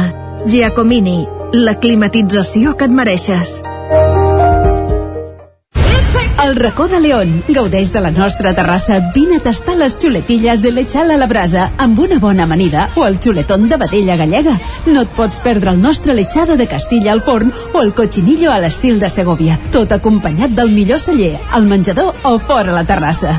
Descobreix la millor cuina de lleó sense moure't de casa. Vine amb la família, els amics, la parella o sol. T'encantarà. El racó de León, cuina tradicional lleonesa i de mercat. Som al carrer Torelló número 35 de Vic. Per reserves, telèfon 93 889 1950. El racó de León, una cuina diferent. Som especialistes en cargols a la llauna. Vine a tastar-los al racó de León. A la llibreria Mater hi trobaràs material escolar i d'escriptori, llibres, revistes i el millor regal. T'esperem amb una gran varietat de novel·les, llibres d'assaig, poesia, contes i moltes novetats editorials. I per anar ben equipat a l'escola tenim motxilles, estoig, carpetes, llibretes, bolígrafs i molt més. Recorda que amb la targeta client tens descomptes. Mater, llibreters amb vocació des de 1957. Llibreria Mater. Ens trobaràs al carrer Pla de Balanyà número 23 de Vic i a mater.cat. Tenim quaderns de vacances i les novetats amb motxilles i estoig de la marca Kipling. T'esperem. Territori 17 A Tren d'Alba. Cada dia els usuaris de la línia R3 de Rodalies que veuen sortir el sol des d'un vagó ens expliquen les gràcies i les penes del primer comboi que uneix Ripoll i Barcelona. Benvinguts a Tren d'Alba. Ahir us vaig fer la primera de les dues parts sobre les obres de remodelació de quatre estacions entre Parets del Vallès i la Garriga per 14,5 milions d'euros. Avui us explicaré que aquests treballs consistiran en l'allargament i l'ampliació de les andanes perquè arribin als 210 metres. Segons Adif, això permetrà l'aturada de trens tipus Cívia de 5 cotxes en doble composició. També se substituiran els passos per a vianants entre andanes per passos inferiors adaptats a persones amb mobilitat reduïda. Pel que fa a les actuacions en via, s'eliminaran els aparells que quedin en desús i es col·locaran els elements necessaris serveis per facilitar el canvi de vies. A més, es renovarà l'estructura de la via i s'adequarà el sistema d'electrificació a la nova configuració de les estacions. Us deixo ja amb la crònica d'en Carles Bassaganya perquè la pugueu degustar. Bon dia, oients. Un nou dia de viatge de tren amb la Rodalies 3, amb la Rot 3. Avui novament llevant-nos aviat, amb fred ja, llevant-nos aviat al voltant de quarts de set a Sant Joan de les Abadeses per agafar el tren a les 7.18 a, a Ripoll. I parlava de fred, aquesta també és una conversa habitual al tren. Ja no només un recurs, o com no només un recurs de, de conversa, sinó també, i això sembla mentida, el fred amb el tren, no? relacionar-ho amb les condicions de confort que de vegades tots nosaltres ens toca viatjar amb el nostre estimat tren bala de Rodalies 3. I això ho dic perquè, i això després de molts anys de viatjar amb tren és un tema molt parlat, els vagons en els quals, i això es veu sobretot a l'hivern, fem aquest trajecte, un trajecte que, home, surt del Pirineu, surt de Puigcerdà i passa pel Ripollès, i passa per Osona, i passa pel Vallès Oriental, i, i per l'Occidental, i arriba a Barcelona, però sobretot pel tram aquest més eh, muntanyós, on a l'hivern fa fred, doncs aquests mateixos vagons són els mateixos que passen, per donar com a exemple, pel Maresme, i són els mateixos que passen per la zona del Camp de Tarragona, o per la línia de Girona. I tots hem après, els que fa anys que viatgem, que sobretot quan arriba l'hivern ens hem de posar en un lloc a recer d'aquests vagons, perquè quan precisament s'obre i es tanca les portes i a fora s'està sobre zero, just o sota zero moltes vegades, doncs no t'acabis eh, glaçant el clatell. Per tant, com, encara que sembla una mica mentida, meteorologia, temps i també l'hivern dins de els vagons de la nostra estimada Rodalies 3. Bé, arriba l'hivern i per tant serà el moment de posar-nos a recer i trobar sempre el millor seient i el millor lloc, que també hi són, encara que no estiguin ni primera, ni segona, ni tercera classe, en els nostres estimats eh, vagons de, de tren. Res, a gaudir. Avui hem arribat eh, puntuals, també perquè ho sapigueu. La climatologia, tot i fer fred, també porta a vegades sorpreses. Adéu-siau, bon dia, a reveure. Sí, al matí ja es noten les glaçades i és evident que la tardor al Pirineu és curta climatològicament parlant i ben aviat ens arriba l'hivern. Aquí dalt ja fa força fred al matí i sobretot a la nit. Per sort, encara hi ha algun migdia que es pot passejar o estar assegut al solet i la temperatura és agradable. Va, en retrobem demà amb més històries del tren i de la R3. Territori 17, el 9 FM, la veu de Sant Joan, Ona Codinenca, Ràdio Cardedeu, Territori 17. El racó de pensar, a Territori 17. I el racó de pensar saludem cada setmana la Maria López, avui parlant del conflicte a les aules, oportunitats que ens ofereix. Maria, bon dia. Bon dia i benvinguts un dimarts més al racó de pensar. Just abans de l'estiu, aquí mateix, al racó, us vàrem parlar d'un projecte que s'havia fet a Cardedeu de càmeres ocultes. En aquest projecte, grups de joves simulaven algunes situacions on diferents perfils de persones patien situacions de bullying.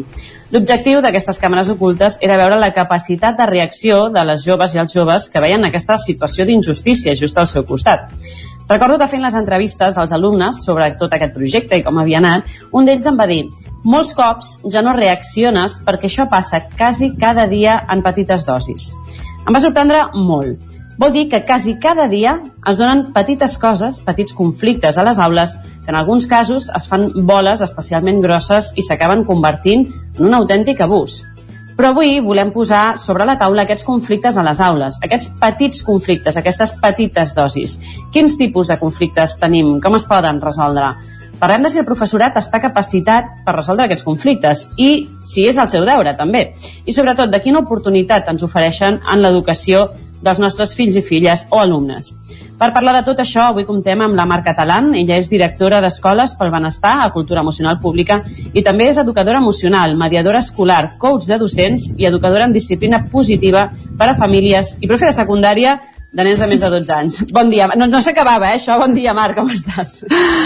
Bon dia, bon dia, Maria, i moltes gràcies per convidar-me en aquest espai del racó per pensar. El tema que proposes és importantíssim, és, és greu, és urgent, però sobretot avui vull posar el focus en quina és aquesta oportunitat, com tu deies, a partir d'aquests conflictes que ens generen molt malestar, ens generen incomoditat, eh, són desagradables de viure, anem a veure quines oportunitats hi ha al darrere i quines són les mancances a cobrir. Per això és a, aquesta estoneta, per veure què és el que podem veure que en el primer moment ens, ens eh, capta l'atenció sobretot aquesta part més desagradable i de patiment humà que òbviament contenen cadascun d'aquests conflictes, eh? sobretot els que van adreçats ja a l'adolescència i conductes d'assetjament, com has anomenat. Suposo que és l'edat clau. Eh? A mi, de fet, m'ha sorprès molt el, el llegir en la proposta aquest veiem-ho com una oportunitat, no? perquè d'alguna manera quan plantegem aquesta problemàtica i els conflictes a les aules, jo crec que ens, ens centrem molt en com ho solucionem, Mm -hmm. i costa més encara anar més enllà i veure aquestes oportunitats. Si et sembla, podríem començar parlant d'aquests tipus, d'alguna manera, de conflictes que et pots trobar. Vinga, som -hi. Primer de tot, eh, els conflictes, com sabem, que són inherents a l'ésser humà, només per viure i per conviure, sobretot, existeixen els conflictes, en vivim tots, um, són conflictes que es donen quan ens fixem més en les diferències que tenim com a éssers humans, més que en la, tot allò que ens uneix, però que estan al dia a dia. I sobretot existeixen en llocs tan petits, i dic petits com són les escoles, perquè només en un lloc amb primària podem arribar tranquil·lament a mil persones entre um, alumnat i, i docents i si sumes els, tots aquests centres que tenen des de petits, des d'infantil fins a secundària, ens podem arribar més del miler i, i lògicament cada dia hi ha d'aquests conflictes eh? i són incòmodes, com hem dit, són desagradables i tot sovint els volem tractar com el foc, no? Quan veiem foc, quan veiem l'incendi, eh, aquesta por que tenim, quan els veiem, el que ens fa és reaccionar amb, amb rapidesa perquè desapareguin, no? Aquesta és la primera reacció. Però si comencem a observar i analitzar el motiu, podem veure que ens estan apuntant a mancances a cobrir, a eines que encara podrem desenvolupar i com el sistema ens està dient que hi han escletxes que cal reparar i que cal observar. Per tant, um, tu em deies, no? quins són aquests tipus de, de conflictes? Doncs hauríem de veure quina és la comunitat educativa que tenim a un centre educatiu. La comunitat educativa està formada majoritàriament per alumnat, i per docents. I no, parlem, no parlem també del PAS, del personal d'administració, que també existeix, uh -huh. però anem a, anem a centrar-nos en aquests dos. Uh, tant els alumnes com, com els docents tenen tant conflictes interns, de cadascú individuals, com relacionals. I aquests dos interaccionen. Per tant, entre els conflictes que cadascú té, individuals, de la seva pròpia motxilla, com els conflictes relacionals, quan s'estan relacionant entre ells mateixos, entre els propis alumnes, o un alumne docent, o entre els propis docents, tot això vol dir que multiplica les possibilitats de conflictes. I hem dit que només per... Raro és que no hi hagi més, no? Ah, sí, vull dir que hi han molts que segurament estan latents i que no exploten i potser no els veiem, però de possibilitats hi ha moltíssimes. Per exemple, perquè us feu una idea, de conflictes emocionals individuals de l'alumne, des de baixa autoestima, inseguretat, pors, ansietat, sintomatologia de tot tipus de salut mental, aquesta por a fracàs, el por a intervenir o no, a la por de soc inclòs dins del grup o no, um, necessitats bàsiques dels alumnes, que són infants, que són infants en creixement. Pertanyo o no pertanyo al grup? Pertanyo, em sento que pertanyo a aquesta escola? Això ja és, són necessitats que hem de veure si s'estan cobrint o no. I si no es cobreixen, esclaten en conflicte, d'alguna mm. forma. I la segona necessitat és, jo pinto alguna cosa, em sento capaç aquí, i si sento que no pinto, també esclataré i ho puc dir. Alguns ho diuen de forma molt desagradable, i és quan ho podem veure. Però és que tenen tot el dret a dir-ho, és a dir, no saben dir no sento que pertanyo a aquesta escola o no sento que aquesta persona m'està fent sentir incapaç, no ho saben dir d'aquesta forma. Nosaltres hem d'intentar llegir què ens estan dient. El que hem de poder veure com responsabilitat adulta és, molt bé, aquest nen, nena, aquest jove, aquest infant, aquest ja adolescent, m'ho està dient d'una forma molt desagradable que m'està interpel·lant i potser m'ho estic prenent de forma molt personal, però què hi ha al darrere, què necessita que no ho estem cobrint, tant en ell mateix com quan es relaciona amb els seus companys o companyes. Estem dient que, eh, per exemple, baralles, comentaris, burles, marginació, conductes de bueno, no veig que estigui passant res greu perquè eh, cada dia veig que, que es fan insults, cada dia veig que hi ha I el típic d'això ha passat sempre, no? Dóna una mica de sensació, de, quantes vegades no he sentit, no? Allò de, bueno, això ja passava, sempre ha passat, no? Sempre, I sembla que el, el fet de que sempre hagi passat ens excusi a l'hora d'actuar, no? Una mica. I, i no pot ser una excusa perquè no deixem de veure que el focus no pot estar en ells, no pot estar amb infants i joves que estan en creixement i en educació. El focus l'hem de posar amb nosaltres, a, a, li hem ajudat a donar eines, a desenvolupar empatia, a desenvolupar assertivitat, a posar límits al company de dir això no, a posar habilitats comunicatives per poder expressar tot allò que sent, és a dir, hem pogut acompanyar aquest infant o jove, és a dir, la responsabilitat sempre fins a edat adulta estan en els educadors i educadores d'aquell centre. Per tant, quan posem càmeres dins d'un centre educatiu, cal veure que hi han responsabilitats que van més enllà d'aquest focus que estem veient, aquest racó aquest- d'aquest passadís. És a dir, aquests nens, aquests joves han tingut referents en educació emocional que els hagin acompanyat a desenvolupar consciència, regulació, assertiva, assertivitat, a posar límits, a comunicar-se d'una altra manera, han pogut sentir que qualsevol coseta petita que passi en aquell centre, algun adult els hi escoltarà i voldrà fer quelcom amb allò que els hi va explicar, se senten escoltats, se'n senten vistos. El que passa molt sovint a centres educatius que veuen que hi ha terreny abonat, eh, aquestes petites conductes que poden després provocar assetjament, el bullying, és que saben que no hi ha adults amb ganes d'escoltar. Sembla que sigui molt, no? molt fort si un adult ho escolta i diu ostres, la responsabilitat certament és meva doncs d'una vegada per totes ens hem de poder dir sí, estem parlant de responsabilitat, eh? no de culpabilitat quan ha nens i nenes eh, sobretot a l'adolescència, com hem dit que creuen que en aquella institució no hi ha ningú que vulgui posar mm, una mica d'ordre o pugui, vulgui posar atenció, és que realment no se senten que formen part d'un col·lectiu i que hi ha un centre en cultura emocional, que es posa al centre sempre allò que els hi passa als nens i nenes, allò que els hi passa amb ells. Senten que potser la cosa va de notes, la cosa va d'aprenentatge cognitiu, i en un centre, on tothom conviu, la cosa va de estic aprenent a ser i estic aprenent a conviure. Però suposo que de, des d'aquest punt de vista mm, deuen existir molts professors de les aules que consideren que aquell conflicte no va amb ells, no? que la seva obligació... On de, fin, fins on arriba realment l'obligació d'un professor? Mm, Això legalment no es pot establir. Al final estàs atenent a la responsabilitat indi- individual de cadascú i a la voluntat d'un professor a intervenir en conflictes més enllà dels, dels cognitius, diguéssim, no? Sí, certament el professorat que tenim a les aules eh, ha rebut una formació, sobretot ja secundària, que passa pel desenvolupament de- d'aquella matèria, d'aquelles especialitats, i molts se senten que són responsables d'aquella matèria, no? d'aquella especialitat. Però estem, a, estem educant, estem en un centre educatiu i tots sabem que l'aprenentatge va més enllà del que és merament cognitiu. Uh, aquest, aquest esclau, jo crec que aquest paradigma d'entendre l'educació només com dona una matèria, diríem que està esgotat o s'està esgotant perquè portem molts anys ja de, de replantejament de què és l'educació. I tots sabem que en un centre educatiu i que a cada moment d'aula, a cada moment d'explicació de, de totes les matèries de mates, de medi, de naturals, de llengua, s'està aprenent a ser i s'està aprenent a com convisc. I s'estan adonant que, que potser no arriben més enllà de després de la seva matèria i que es donen conflictes, per tant es busquen després qui és el responsable i volem posar no, responsabilitat a fora.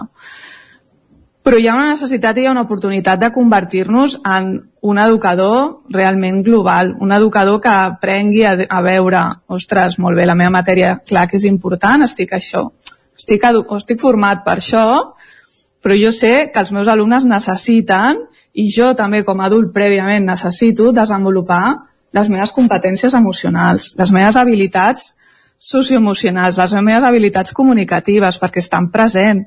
Al final, la, la feina, la tasca d'ensenyar i aprendre, si ens podem a revisar quines són, no és només cognitiu ni molt menys. Tot el que vol dir aprenentatge i ensenyament té a veure amb habilitats comunicatives, té a veure amb assertivitat, amb com puc traslladar, com puc entendre, com puc tenir aquesta paciència, com puc...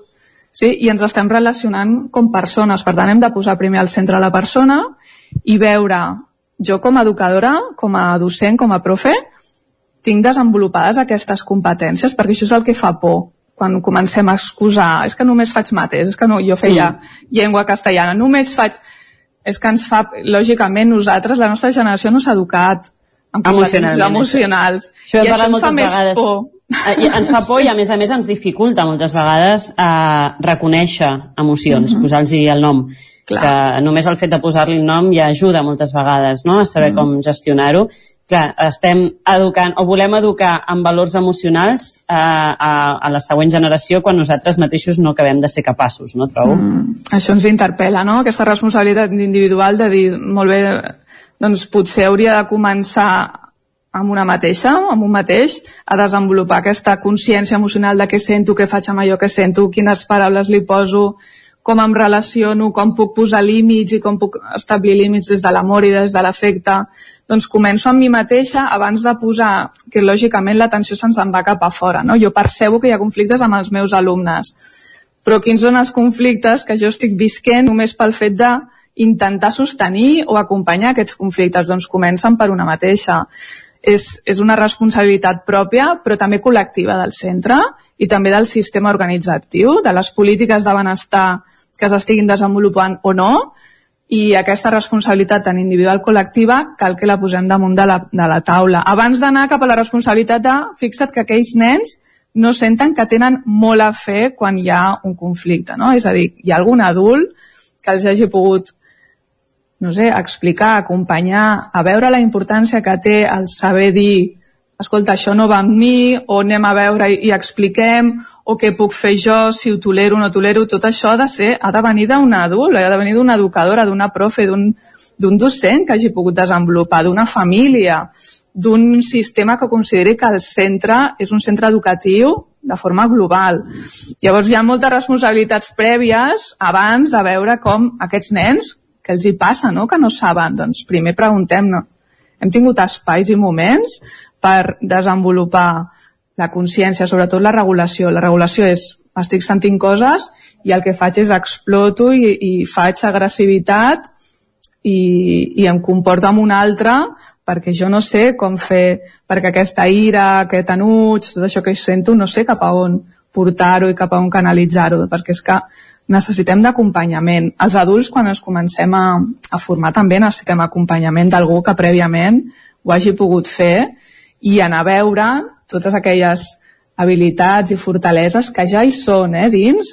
L'única cosa és que potser no, o no ens hem parat a mirar i a treure i anar, sí, anar cap amunt i anar creixent, però hi són. Per tant, cap por, quan veiem conflictes anem a veure, molt bé, quines són totes aquelles oportunitats, quines són aquestes necessitats que no s'estan cobrint, quines són les actuacions, no només de prevenció eh, de conflicte, perquè par parlem de conflicte i, òbviament... I donem per fet que ja, està, que ja el tenim aquí, eh? que ja, no, ja, ja ens l'estem menjant, ja no podem fer res. Eh? Clar, primer, si apareix un conflicte, sobretot si hi ha patiment al darrere, cal donar resposta, restaurar, restablir, acompanyar en el patiment d'aquelles persones, és a dir, no podem fer com que no ha passat res, perquè llavors eh, els, els alumnes aprenen que quan passen coses ningú els acompanya. Això va creant terreny. Eh? Llavors, hi ha un conflicte, donem resposta, atenem a les necessitats, com ho podem restaurar.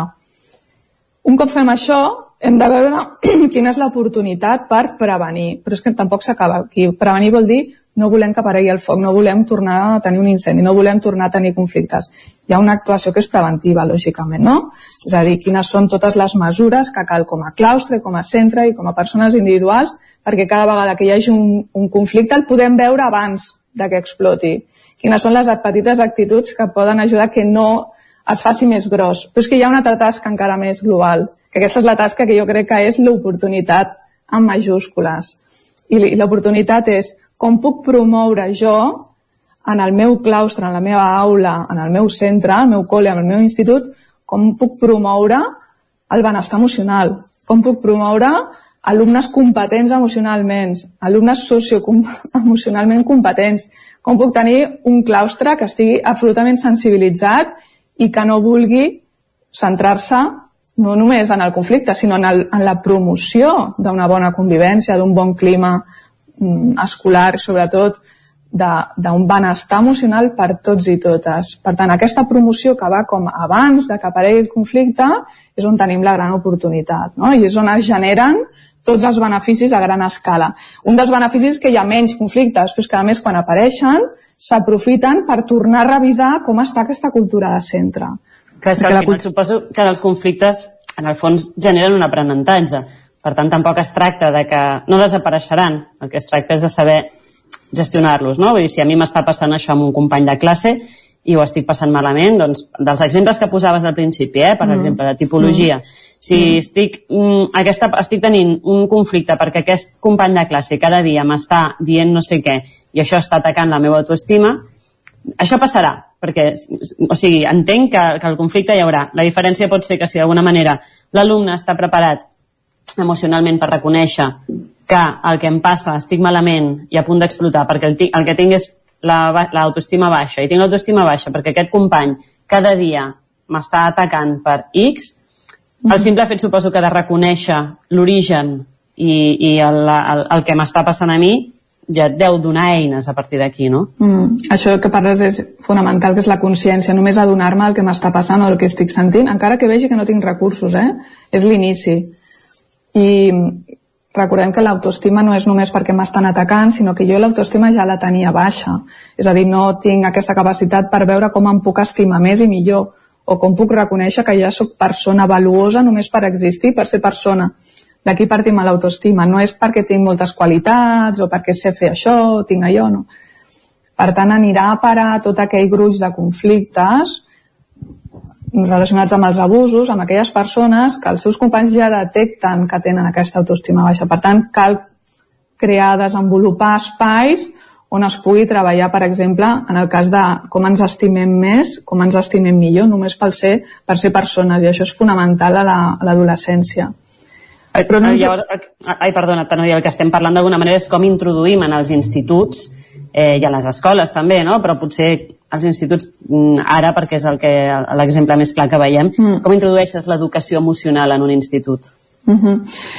Doncs l'educació emocional des d'Escoles pel Benestar, que és on estic al capdavant dins de cultura emocional pública, tenim claríssim que, que hi han dues vies, segons l'institut consideri que pot integrar-se de forma més natural. Sempre cal integrar-se de forma molt natural i, i més orgànica, que no creï com estem fent una cosa que no va amb nosaltres.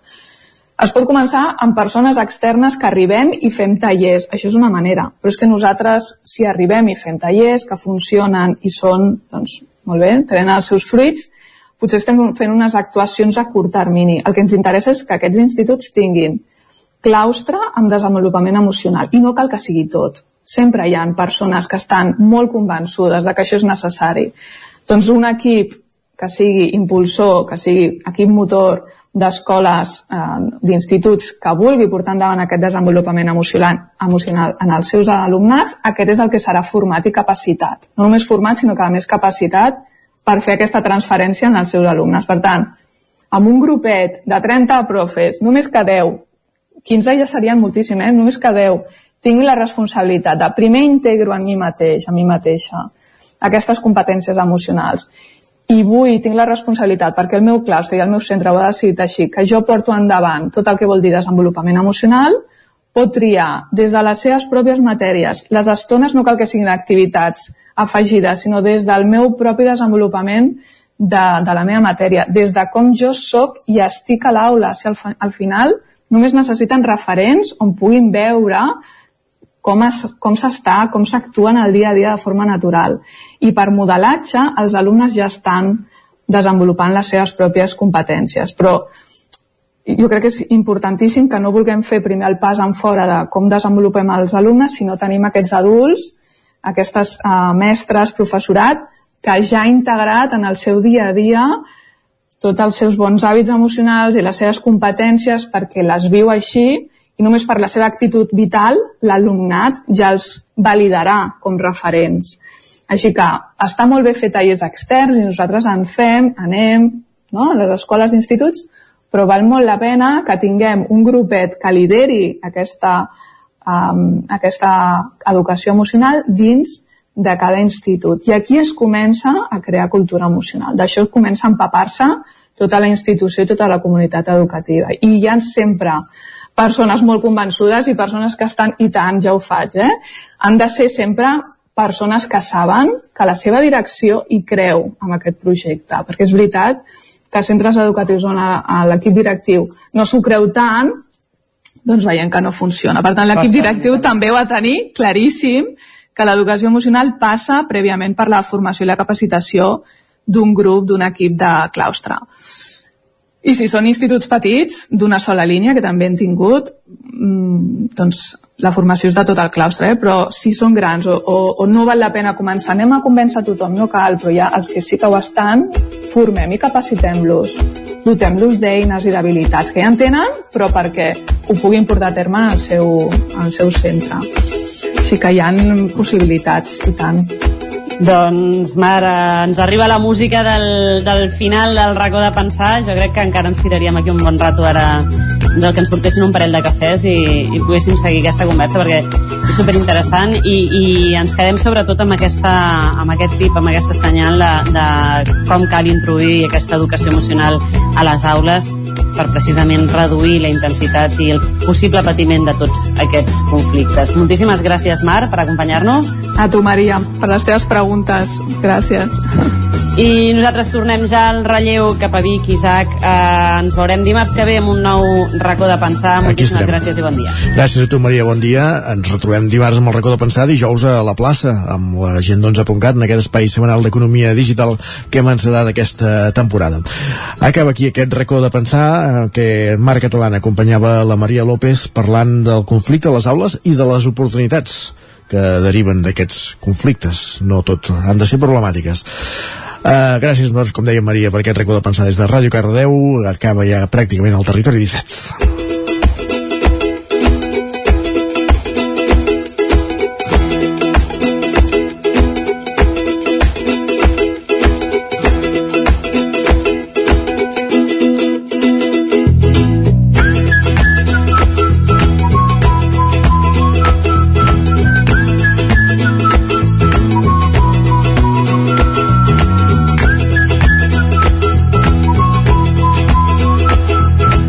I acabarà aquest territori 17 no sense abans fer com cada dia el repàs a les persones que ha fet possible aquest programa des de les 9 del matí, des de Ràdio Vic, des de la veu de Sant Joan, des d'Ona Codinenca, des de Ràdio Cardedeu, des del 9 FM i des del 9 TV.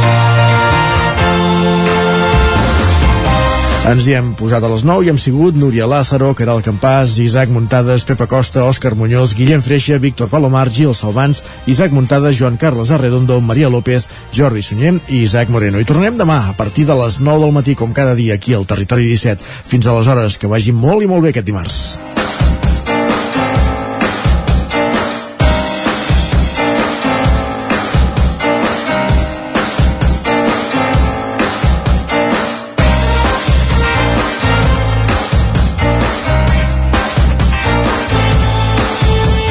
Territori 17, un magazín del nou FM. La veu de Sant Joan, Ona Codinenca i Ràdio Cardedeu amb el suport de la xarxa. El nou FM.